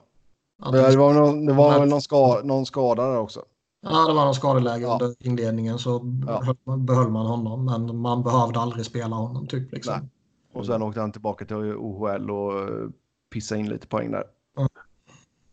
Så nej, men Han det är är väl... intressant inför framtiden. Ja, ja, absolut. Det är lite tidigt eh, redan denna säsongen att, att förvänta sig något stort av honom. Jo. Nej, men det, är alltså, det är, Tucson kan nog få ett ganska bra lag, det tror jag. Mm. Speciellt om Söderström eh, får åka ner dit. Vilket, ja, det hade väl kanske inte varit helt fel. För jag tror ändå så, alltså skulle det vara så att du, om vi skulle säga att man åker på någon skada på backsidan så då hade nog Söderström varit, ja, han hade nog varit den första man kallar upp i så fall. Kall, Kanske Cap, Capo Fan, Bianco. är redo för det. Alltså. Ja. Nej, och sen... Jag, jag, eh, jag tycker nog det är bättre att liksom, eh, skicka hem honom till mamma i Gävle. Liksom. Kanske. Kanske. Sen har du ett par intressanta, alltså nu Ranta och Kemper, det är ju givet att de två är där uppe liksom. Men skadebenägen Ranta gör att någon som Källgren eller Aiden Hill kan få prova på någon match också. Källgren har ju fått väldigt goda lovord. Ja, och Hill gjorde ju några bra inhopp förra säsongen också. Mm. Så det är nej, absolut ett intressant lag att följa. Det, det är det. Plats nummer tre då. Där hittar vi Vegas Golden Knights. Och mm. ja, efter de här två första säsongerna. Eh, år tre här nu då för Vegas. Och vad ska man egentligen ha för förväntningar på det här laget? Väldigt starkt topp 6. Ja, jag ja, alltså håller det, dem. Ja. Deras historia säger att de bara blir sämre och sämre för varje år. den, den, det, det, är ett påstående som är odiskutabelt. ja. Så här sele väldigt selektivt att säga. Jag håller dem väldigt högt. Mm. De blir fan farliga igen. Det är väl lite backsidan som finns frågetecken. Men, ja. En väldigt fin topp 6 som du säger. Då. Jo, men det är väl just det där med alltså, backsidan som jag sagt. Nate Smith, ja, nu får vi väl förutsätta att han inte kommer proppa i sig någonting dumt så han blir avstängd igen. Uh, och det, det är en sån back som är, har visat att han kan vara jävligt bra. Liksom. Chase Theodore, uh, vi får se liksom, i vilket slag han kommer tillbaka i nu efter och ja. cancerbehandling och sådär. Uh, ja, det är tur med dopingkontroller. ja, faktiskt. Ja, faktiskt. Nej, men där, det är en sån spelare som vi har sagt tidigare att där finns det ju stor potential. Mm. Um, och ja, han kan ju, nu låg han väl på drygt en halv poäng per match förra säsongen. Uh, och det finns säkert mer att hämta där. Så jag vet man inte, alltså det, jag har ingen aning om, om det påverkar hans spel i fjol liksom. Mm. Det kanske Nej. gjorde. Ja. Men det, men det är ju liksom Topp 6 är ju jättefin. Liksom. Båda deras två kedjor där är ju... Ja, den är snuskigt vass. All, alla sex är ju liksom potentiella matchvinnare. Mm. Det, det, är en av de bättre topp 6 i ligan. Men bottom 6 är ju... suspekt. Mer suspekt, ja. Och där har de har ju fått... Eh, de har ju fått uh, tumma lite på, på djupet när de har plockat in uh, liksom mm. en Mark Stone här och Max Pacioretty tidigare och Paul Stastny liksom. Det är klart det går ut över någonting annat och ja, gjorde att de fick släppa Gusev till exempel och de har fått släppa Ja, det där. Som de säkert ja, det trodde jag inte. Gusev, han hade jag gjort allt för att få behålla. Mm. Ja, och så det... får man knappt något vettigt Nej, men exakt. Att det var jävligt billigt. Um, Sen är ju försvaret, djupet där är ju, alltså försvaret de har på pappret ska inte kunna vara så pass bra som deras resultat indikerar. Nej, Nej man sån här, Vi har ju sagt det, fan vi har sagt det sedan de kom in i ligan, att det, det är något orimligt med det här jävla laget. Nu är, nu är de ju nu är de genuint bra i topp 6 och de är genuint bra på målvaktspositionen. Men, men uh, i övrigt är det ju frågetecken alltså. Mm. Jo, sen du, alltså, du har ju... Um... Galant framstår ju som en väldigt kompetent coach också. Ska säga. Oh ja. ja. Nej, men alltså det är väl Jimmy Schult. Ska väl uh, vara med i truppen i alla fall nu. Ja. Uh, gjorde det ju bra i, i uh, amerikanska college-ligan för St. Cloud State University. Och sen har du väl även, vad fan är det andra heter, Zach Whitecloud. Mm. Uh, som har fått en inkörningssäsong här i AHL. Um, ehm, men någonting behöver man ju fylla på med bakifrån kan man känna. Jo. Ja. Det... Så. Och sen ja, Flurry och lillebror Subban. Ja, nej, alltså, Subban är väl inget speciellt men Flurry har ju fortfarande väldigt hög klass. Sen har man kanske fått rida han lite mm. väl hårt. Ja, jag tänkte säga hur länge pallar han? Mm. Och han hade väl också lite så här revanschlust. Hur länge håller den i sig? Ja. Mm. Och någonstans kommer ju, även om Vegas är vad Vegas är och det alltid kommer vara ett jävla liv i den stan och förmodligen alltid ett jävla liv på läktarna. Det kommer väl om inte annat arrangörerna se till. Liksom. Men, men någon gång kommer ju även nyhetens behag dippa av. Uh, nu kanske de har förlängt det med tanke på ja, succén den första säsongen och att de faktiskt är bra även år två. Men säg att det skulle fortsätta. Nu skämtar jag givetvis för den som inte fattar det när jag sa att allting tyder på att de bara blir sämre och sämre. men, men säg att det faktiskt skulle ske så är det ju intressant vad som kommer hända. Mm. För nu kommer väl också NFL är det väl? Ja. Kommer in i Vegas. Ja. Och då kanske den helt plötsligt skär all uppmärksamhet där. Ja, de lär väl få någon liknande boost i början, det tror jag. Uh, sen vet inte jag exakt hur... Jag har fan till och med glömt av. Det är väl... Uh... fan heter de? Är det Raiders som ska dit? Ingen aning, jag oh, kan jag inte. Vet faktiskt inte. Jo, vänta nu får vi... Det här borde man egentligen kunna. Jo, det är Raiders. Um, det är svårt att säga hur bra de kommer vara. Jag tror inte att de kommer gå in och ha någon liknande säsong som Golden Knights hade första året. Men samtidigt så är NFL är ju många, många, många gånger större än vad NHL är. Mm. Och det är ju också en sån grej som att det kommer bli än mer, med tanke på att det är så få hemmamatcher, så kommer det ju vara att supportrar från andra lag bara, vi drar till Vegas och kollar när de spelar mot vårt lag liksom.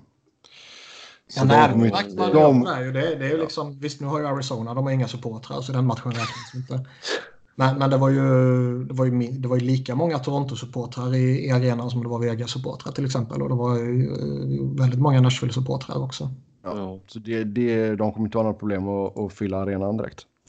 Mm. Eh, jag tänkte innan vi går vidare, Cody Glass, är det dags? Ja, vad händer? Han, man väntar lite på honom, eller? Se, hur gick det förra? 69 poäng, nice, på 38 matcher. Mm. VHL. Ja. ja, och sen var han, han lirade AHL. Ja, sex matcher. Ja. Och slutspelet där han gjorde 15 poäng på 22 matcher. Så det, det, är, ju... det är ju riktigt fint. Ja, han borde ju ta ett kliv. Och eh, nu har jag ingen aning om hur det sett ut under preseason givetvis. Men eh, med tanke på vad vi nyss sa om bottom six. Ja. Så är det ju en spelare jag starkt skulle överväga att testa. Mm. Pilla in honom som center i tredje kedjan. Gick in för lira i fjärde. Ja, eller slänga ut honom på en vinge om man inte tycker han är redo för, för centerplatsen. Liksom. Mm. Ja, men eh, som sagt, vi har Vegas i topp tre i alla fall i Pacific. Nummer två, San Jose Sharks. Och ja, Erik Karlsson stannar i alla fall. De tog ju det tuffa beslutet att släppa sin lagkapten och trotjänare för att signa upp Erik Karlsson. Ja. Ehm, och man ser ju att deras, deras djup har ju tunnats ut. Oh ja. Mm. För tidigare har de ju kunnat snurra minst tre, i vissa fall till och med fyra kedjor. Som alla har varit alltså, farliga. Och nu är det ju kanske snarare så att det är två och en halv kedja. Liksom. Jo, det är sant. Det är ju utöver Pavelski så har ju även um, Nyqvist. Och... Nyqvist ja, som har rental och uh, han som gick till Colorado. Donskoj. Ja, just det. Um, och Donskoj är ju en duktig sån middle six winger. Uh, så nu är det ju lite um, det känns, och liksom säga vad man vill om Justin Brown, vilken impact han har och sådär, men ändå en ordinarie spelare som de har lirat mycket mm. liksom. Jo. Um, jo, men det blir, alltså, det blir ändå så lite av en, vad ska man säga, alltså just med Pavelski, att han lämnar liksom och nu går Logan Couture in som ny kapten, liksom Thomas Hert eller Timo Meyer. Det är ju de här spelarna nu som ska bära detta laget. Det är ju inte en 40-årig Joe Thornton längre liksom. Mm. Uh, och LaBanc också. Ja. Exakt.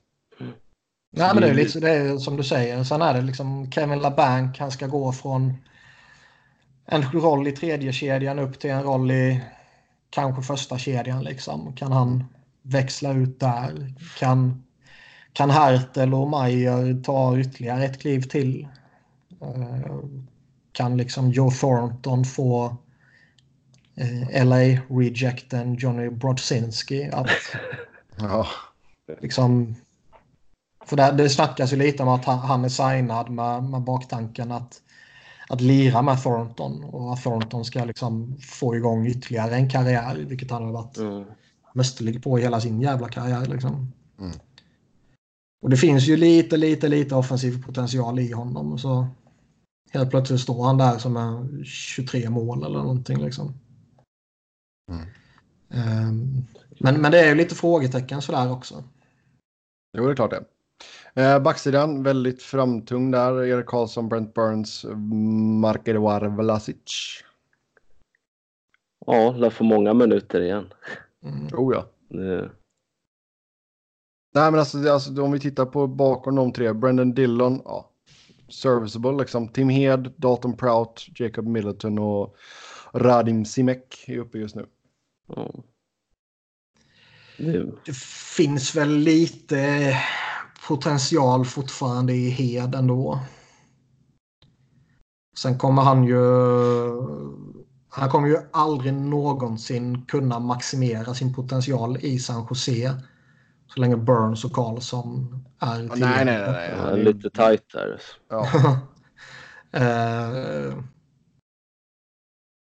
men det är, det är liksom de tre stora som man kommer lita på givetvis. Och det är ju en jättetrygghet i att man i princip kan ha en av Burns och Karlsson på isen ja. hela matchen om man vill det i ett slutspel. Liksom. Mm. Man ja, de käkar man... så många minuter så att det liksom... Ja, sen spelar man inte de 30 minuter var det är under grundserien. Mm. Uh, utan då bränner man ut dem. Men i slutspel kan man göra det i, kanske inte alla matcher, det kanske inte behövs, men i de tajta matcherna så.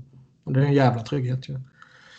Och jag säger som jag har sagt tidigare, man, historiskt så är det väldigt ofta att det kommer framgång när man har två av ligans absolut bästa backar i samma lag. Ja, får hoppas att Karlsson är skadefri. Mm. Sen är det ju alltså de... Jag tycker Wilson, han har gjort det jävligt bra där. Han har liksom hållit dem slagkraftiga i många år. Han har förnyat och föryngrat och lite sånt här. Men eh, det måste ju ändå sägas att beslutet att signa upp hela sin åldrande core på long term är ju suspekt inför framtiden. Liksom. Sen kanske han skiter i vad som händer om fem år för han kanske planerar att gå i pension om tre år. Um, men det, det, är väl det man kan vända sig mot. Och Martin Jones också givetvis. Han, han kan ju dra ner det här laget. Martin! Mm. Ja. För det, det bevisligen så behöver man inte ligans bästa och dyraste målvakt för att vinna. Henke har ju som tur är inte vunnit någonting. Carey Price har inte vunnit någonting. Um, och när jag säger någonting menar jag kuppen då. Um, utan det räcker att man har en normal målvakt om man säger så. Som kanske pricka in en formtopp också. Och kan Martin Jones bara vara en normal målvakt och inte vara en av de absolut sämsta målvakterna som han var förra säsongen. Så är ju Sharks lagbygge i övrigt så pass starkt att de ska kunna vinna kuppen. Samtidigt kan Jones vara så dålig att han drar ner det starka lagbygget i övrigt. Mm. Ja. Ja, under 90 procent för det. Yep. Mm. Logan Couture som sagt ny kapten. Det känns väl ganska givet va? Eh, ja, man ger väl inte det. tillbaka det för Thornton direkt. Nej. Och, eh, Brent Burns, jag vet inte. Nej, man har ändå sett att det är ju Couture. Han, det är ju han som leder dem i slutspelet. Liksom. Det har man sett de senaste slutspelen. Yes. Det känns väl rimligt. Mm. Ja. Ja, då har vi kommit till lag nummer ett. Calgary Flames som gjorde en jäkla säsong i fjol. Ja, fram till slutspelet i alla fall. Jo, jo, jo. Jäkla grundserie då. Ja. Frågan här är, är man lite för framtunga? Ja. Jag, jag tycker de har, de, de har ett rätt eh, solitt lag. Men jag är inte jättetrygg med deras djup. Fortfarande inget nytt kontrakt på plats för Matthew Kachuk. Nej, just det. Och han är rätt viktig där. Jo, ja. Det... Sen vet jag inte hur de har tänkt. Vart ska Lucic lira? Har ni sett något? Hur Eh, Ska han skydda någon av stjärnorna eller? nej, som jag har förstått det så ska han väl lira en bit ner i, i hierarkin och eh, ha möjlighet att kliva upp liksom om Mm. De behöver. Om folk är stygga mot Fatjak för att han har Ja, varit vi- ett svin liksom. Ja. Nej, men alltså för, första, kör en första kedja med Monahan, Gaudreau och Lindholm. Det, de Ja, de borde sina- vara förbi intakta. Ja, de kommer ju göra sina poäng. Liksom. De såg ju riktigt bra ut förra Mm. säsongen. Sen är det ju typ, ja, Backlund Backlund. Som ändå har gjort det. Alltså det är också en sån här lite skymundan bra spelare tycker jag ändå. Han, eller har han fått mycket rubriker hemma? Nej, det får han väl inte. Det var väl vid VM-guldet där det enda. Men annars är det rätt, rätt tyst. Han är ju ingen flashig spelare. Så. Nej, Nej, han är ju inte det. men Han har ju så legat runt typ 50 pinnar. eh, Bra gäng år här nu. Jo, men du behöver vara flashig. Mm, om, om du ska få de där rubrikerna precis. känns det som. Ja. ja. Så han, han är ju något mellanting mellan att vara flashig och vara dålig, dålis. Eh, för svensk dålisen kan man ju ofta lyfta fram när han har lyckats göra några jävla konstmål. Och stjärnorna lyfter man ju fram för att de är stjärnor. Liksom. Men det där mellan, mellanskiktet kan vara svårare ibland. Men jag tänker annars, jag tycker deras backsida ser bra ut. Ja, alltså det blir spännande Det- att se om Giordano kan. Jag tror inte han kommer fortsätta som han gjorde i fjol Nej, men- och liksom vara nästan point per game. Men det, visst, han är fortfarande jäkligt, jäkligt bra. Noah Hannifin får vi någon utväxling på honom. Mm. Sen har du ju Andersson och Kylington. Ja, Hammonick, helt okej. Ja, Så, ja. Även här är det lite frågetecken på målvaktspositionen. ja där har du David Rittich och Cam Talbot. Inte ja. de två namnstarkaste målvakterna direkt. Nej, och Talbot har väl inte varit jättelyckad nu på försäsongen vad jag har hört och läst. Så, Mm. ja. Det är frågan vad de hittar på där. Ja, och eh, Talbot är ju alltså. Man undrar om han liksom. Jag, jag tycker han var ju lovande under inledningen Edmonton. Ja, det jag Han- fattar han- inte riktigt. Han, han, var, han var liksom bra i, i Rangers där un- under eh, eller bakom Henke. Mm. Och sen tycker jag han var okej första två åren typ. Ja. i Edmonton. Och, och sen började det gå ut för lite. Och, Flyers, det var konstig situation där också. ja, det var en jävla märklig situation. Alltså man, man, eh, Han, han är väl ganska tight med Carter Hart som jag fattar ja, de är ju typ polare och tränar tillsammans på, på sommaren och sånt där. ja. Så jag trodde han skulle Eh. förlänga och ändå vara som ett slags ja, men Ja, man, man, ja, men pappa typ liksom. Ja, Man plockade in honom för att testa honom och sådär. Och sen så... Sen var det ju någon, någon jävla visa-problem när han skulle flytta från Kanada till USA. Så det gjorde ju att han... Ja, det gick ju några dagar innan han kunde anlända efter att traden var klar. Liksom. Mm. Och så var det dessutom någon jävla helgdag mitt i allting. Så då var det ytterligare en dag eller två som gick. Liksom. och det blev bara fyra matcher.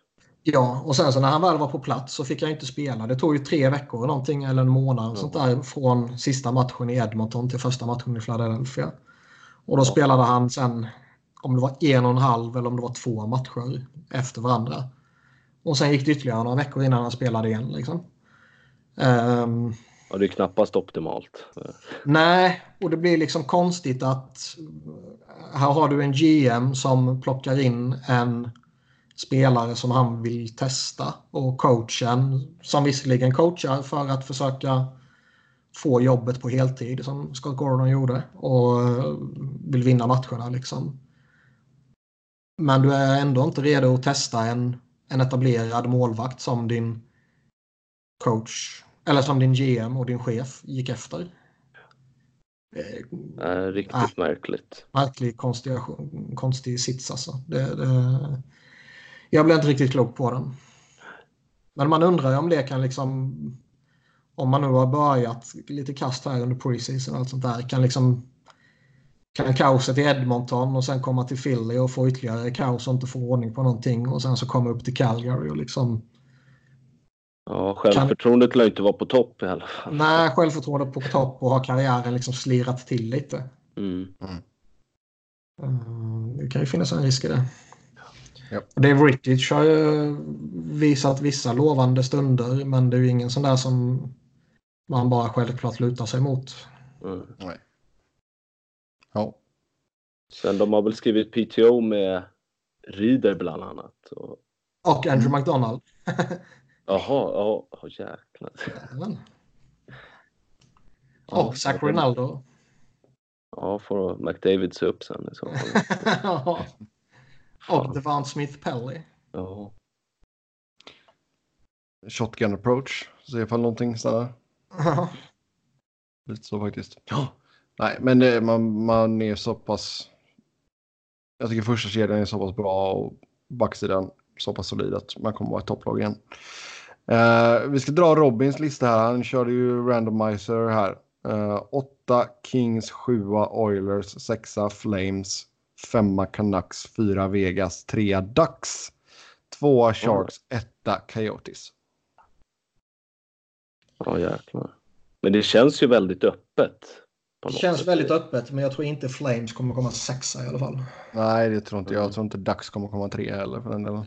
Nej, men det känns nästan mer långsökt att Flames kommer sexa än att Anaheim kommer för trea. Fan. Jo. Helt, helt sant. Mm. Med det då så tar vi väl och glider in på lyssnarfrågorna. Uh, först ut, är det någon RFA som inte har signat ännu som man borde oroa sig för mer över än de andra? Ja, det är väl Line som sticker ut va? Mm. Tror jag. Det har ju snackats om Schweiz och är han så ja. sugen på att komma tillbaks till Winnipeg? Alltså det är... Han verkar ju verkligen inte gilla att spela med Brian Little så Nej. visst. Nej men vad fan gör det? Han bara, jag spelar hellre i Schweiz än att spela med Brian Little. Ja. Nej men alltså det, det som... Det som känns problematiskt är ju att Winnipeg står där med två spelare. Mm. Ja jag, jag, tror ju liksom att... Och problem på backsidan. Ja, ja, ja verkligen. Men jag tror att eh, så länge det inte blir liksom en Nylander-situation, eller som det var med Truba för några år sedan också, där, där det går en bra bit in på säsongen. Så ska det fan inte påverka så mycket att de här spelarna missar liksom en, en bit av kampen, eller till och med hela kampen kanske man ska vara i sånt gott fysiskt slag så att man ska Jo, men det, det är väl, en, en kort alltså, startsträcka bara för att komma igång. Liksom. Det fysiska är väl inte problemet. Det är mer att det är timinggrejer och sånt som ja. match. Jo, men jag menar, det, det, det ska de liksom kunna hitta på tre, fyra matcher. Ja. Det har vi sett ofta att det tar mer. Jo, men du vet på träningarna under preseason.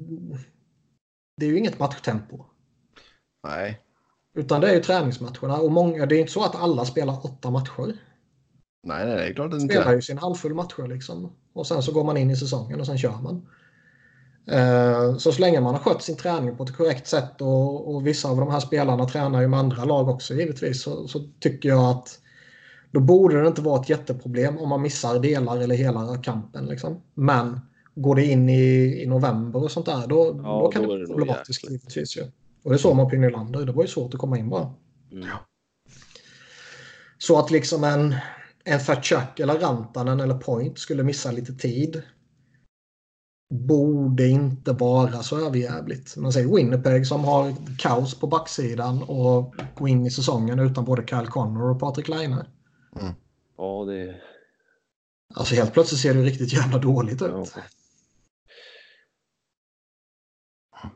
Nej, helt sant. Helt sant. Ja, nästa fråga här. Vilken svensk tror ni kommer vara mest utskälld den här säsongen? Det är väl alltid Nylander. ja. Det är som du sa, man måste vara flashig för att vara, bli, alltså få, för att folk ska reagera. Och...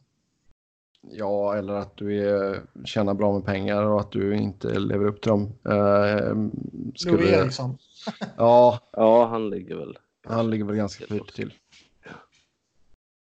Men annars. Oh. Nej, det är ingen annan man kommer på på rak arm sådär bara. Nej. Vi kör på de två. Eh, vilka regler blir ni mest arga på? Shit, det var ett tag sedan man kollade. Alltså bara... Sen du blev arg? ja. ja. vad fan kan det vara? Jag kan ju hata den här skiten med dubbla utvisningar på om det blir blod. Ja, det är sant. Eller att du tar eh, en kille för, ja, vad ska vi säga, crosscheck och sen den andra för filmning typ. Det gillar Fast... inte jag. Det gillar inte jag. Fast det kan ju vara relevant. Fast tar du han för crosschecking då har han ju inte så crosscheckat liksom. Ja, men du kan ju ändå överdriva. Nej, men du ska inte, då ska ju inte det gå jämnt ut. Varför inte? Nej, det tycker jag inte. Och av alltså, vem vill du straffas mest? Han som crosscheckar. Mm.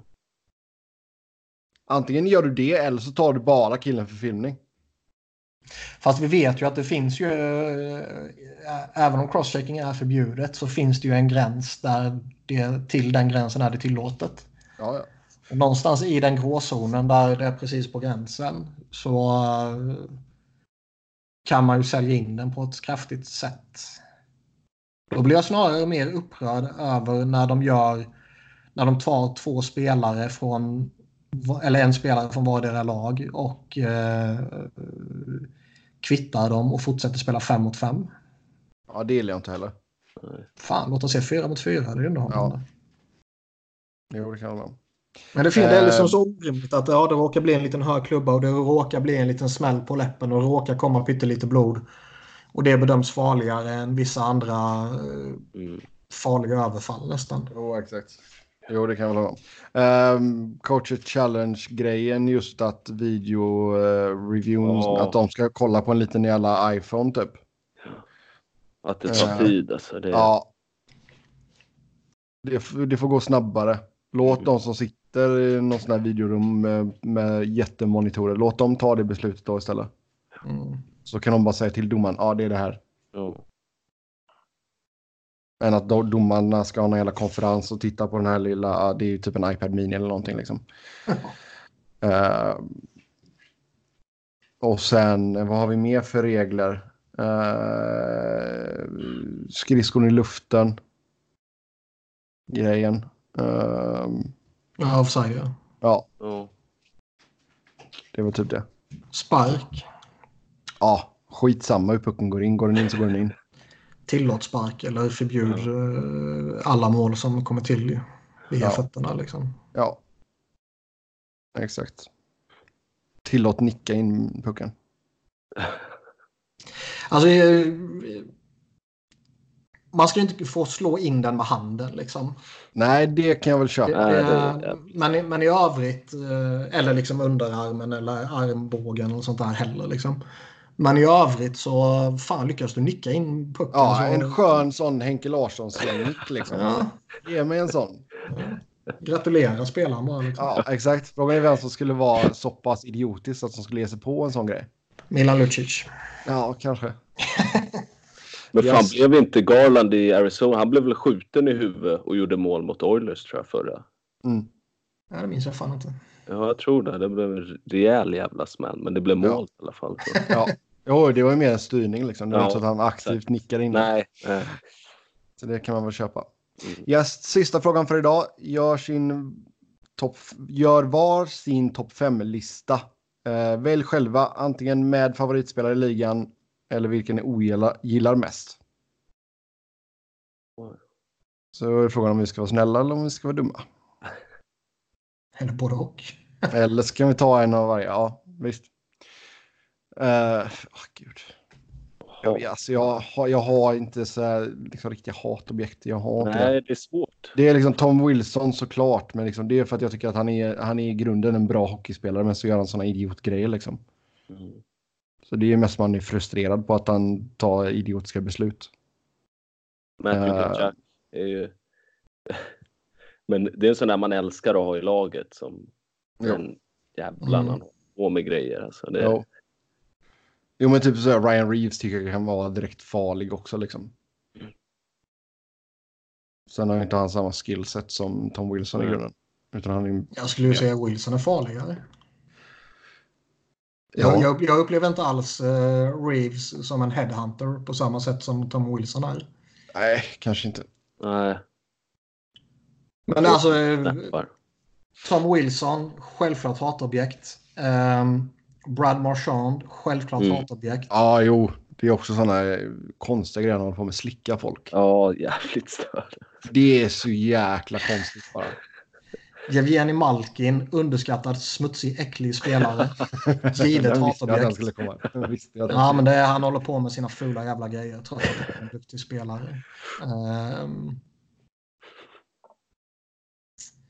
vad har vi mer? Sidney Crosby såklart. Inte för att han är ful utan för att han är Sidney Crosby. Uh, ja, men det, det, var mer när man var yngre tycker jag. Nej, nej, nej. Ja, men du får tänka på att jag är... Ja, just Ja, du har ju en ja. bra anledning. Ja. Jag är flyer. ja. Eh, favoritspelare då? Förutom Honka då såklart. jag tror du skulle säga förutom Ovechkin. Ja, det är väl allas. Nej, han kommer inte på topp fem. Är det så? Ja, topp fem är ju Couturier. Om du inte får välja flyer. Ghost. Jag tänkte uh, utan Oilers. Jaha. Då blir det ju svårt ju. Ja. Då har du inga. Ja, då, ja, visst, om, om, om, om ni förbjuder mig från att välja flyerspelare då tar väl Ovechkin sig in på listan såklart. Mm. Um, Sam Gerard gillar jag. Han är härlig att se på. Mm. Ja, alltså det Jag gillar ju att se Erik Karlsson. Ja. Big Buff är rolig också. Ja, kan ju inte se honom längre. Uh... Lite synd om han skulle sluta för det är ändå en uh, en av liksom ligans uh, mer underhållande spelare. Jo. Matthew Barzal är jävligt kul att se på. Ja. Han spelar i Islanders. Så det kan jo, jag vet. Men liksom det är, trots det. Uh, och vad har vi mer? Pasternak gillar jag. Pasternak är ganska skön. Mm. McKinnon är ju faktiskt rolig. Ja. Jo, McKinnon är rolig. Conor McDavid är rolig såklart. Det känns lite så obvious. Mm. Uh, ja. Ja, vi får la se. Nylander har ni gott slag. Mm. Mm. Och jag är rolig att titta på. Det lär väl vara i år. Så. Ja, det tror jag. Man får ju ta och fixa till uh, det här skägget och grejer nu bara. Det har kommit ut sådana bra memes från det här, uh, den kampanjen de gjorde. Ja. Det har det gjort, så här read a book once och ja. Nej, roliga grejer. Det är kul ändå. Kul, kul, kul. Ja, med det så tar vi och säger tack och hej för den här gången. Som vanligt så kan ni köra talk med oss via Twitter. Mig hittar ni på ett Noren, Niklas på ett Niklas Wiberg, Niklas med C, Wiberg med enkel V. Alex, tack för att du ville vara med oss. Ja, eh, tack Alex, själva. Alex hittar man på Elhar Alex. Mm. Yes. Tills nästa gång, ha det gött. Hej!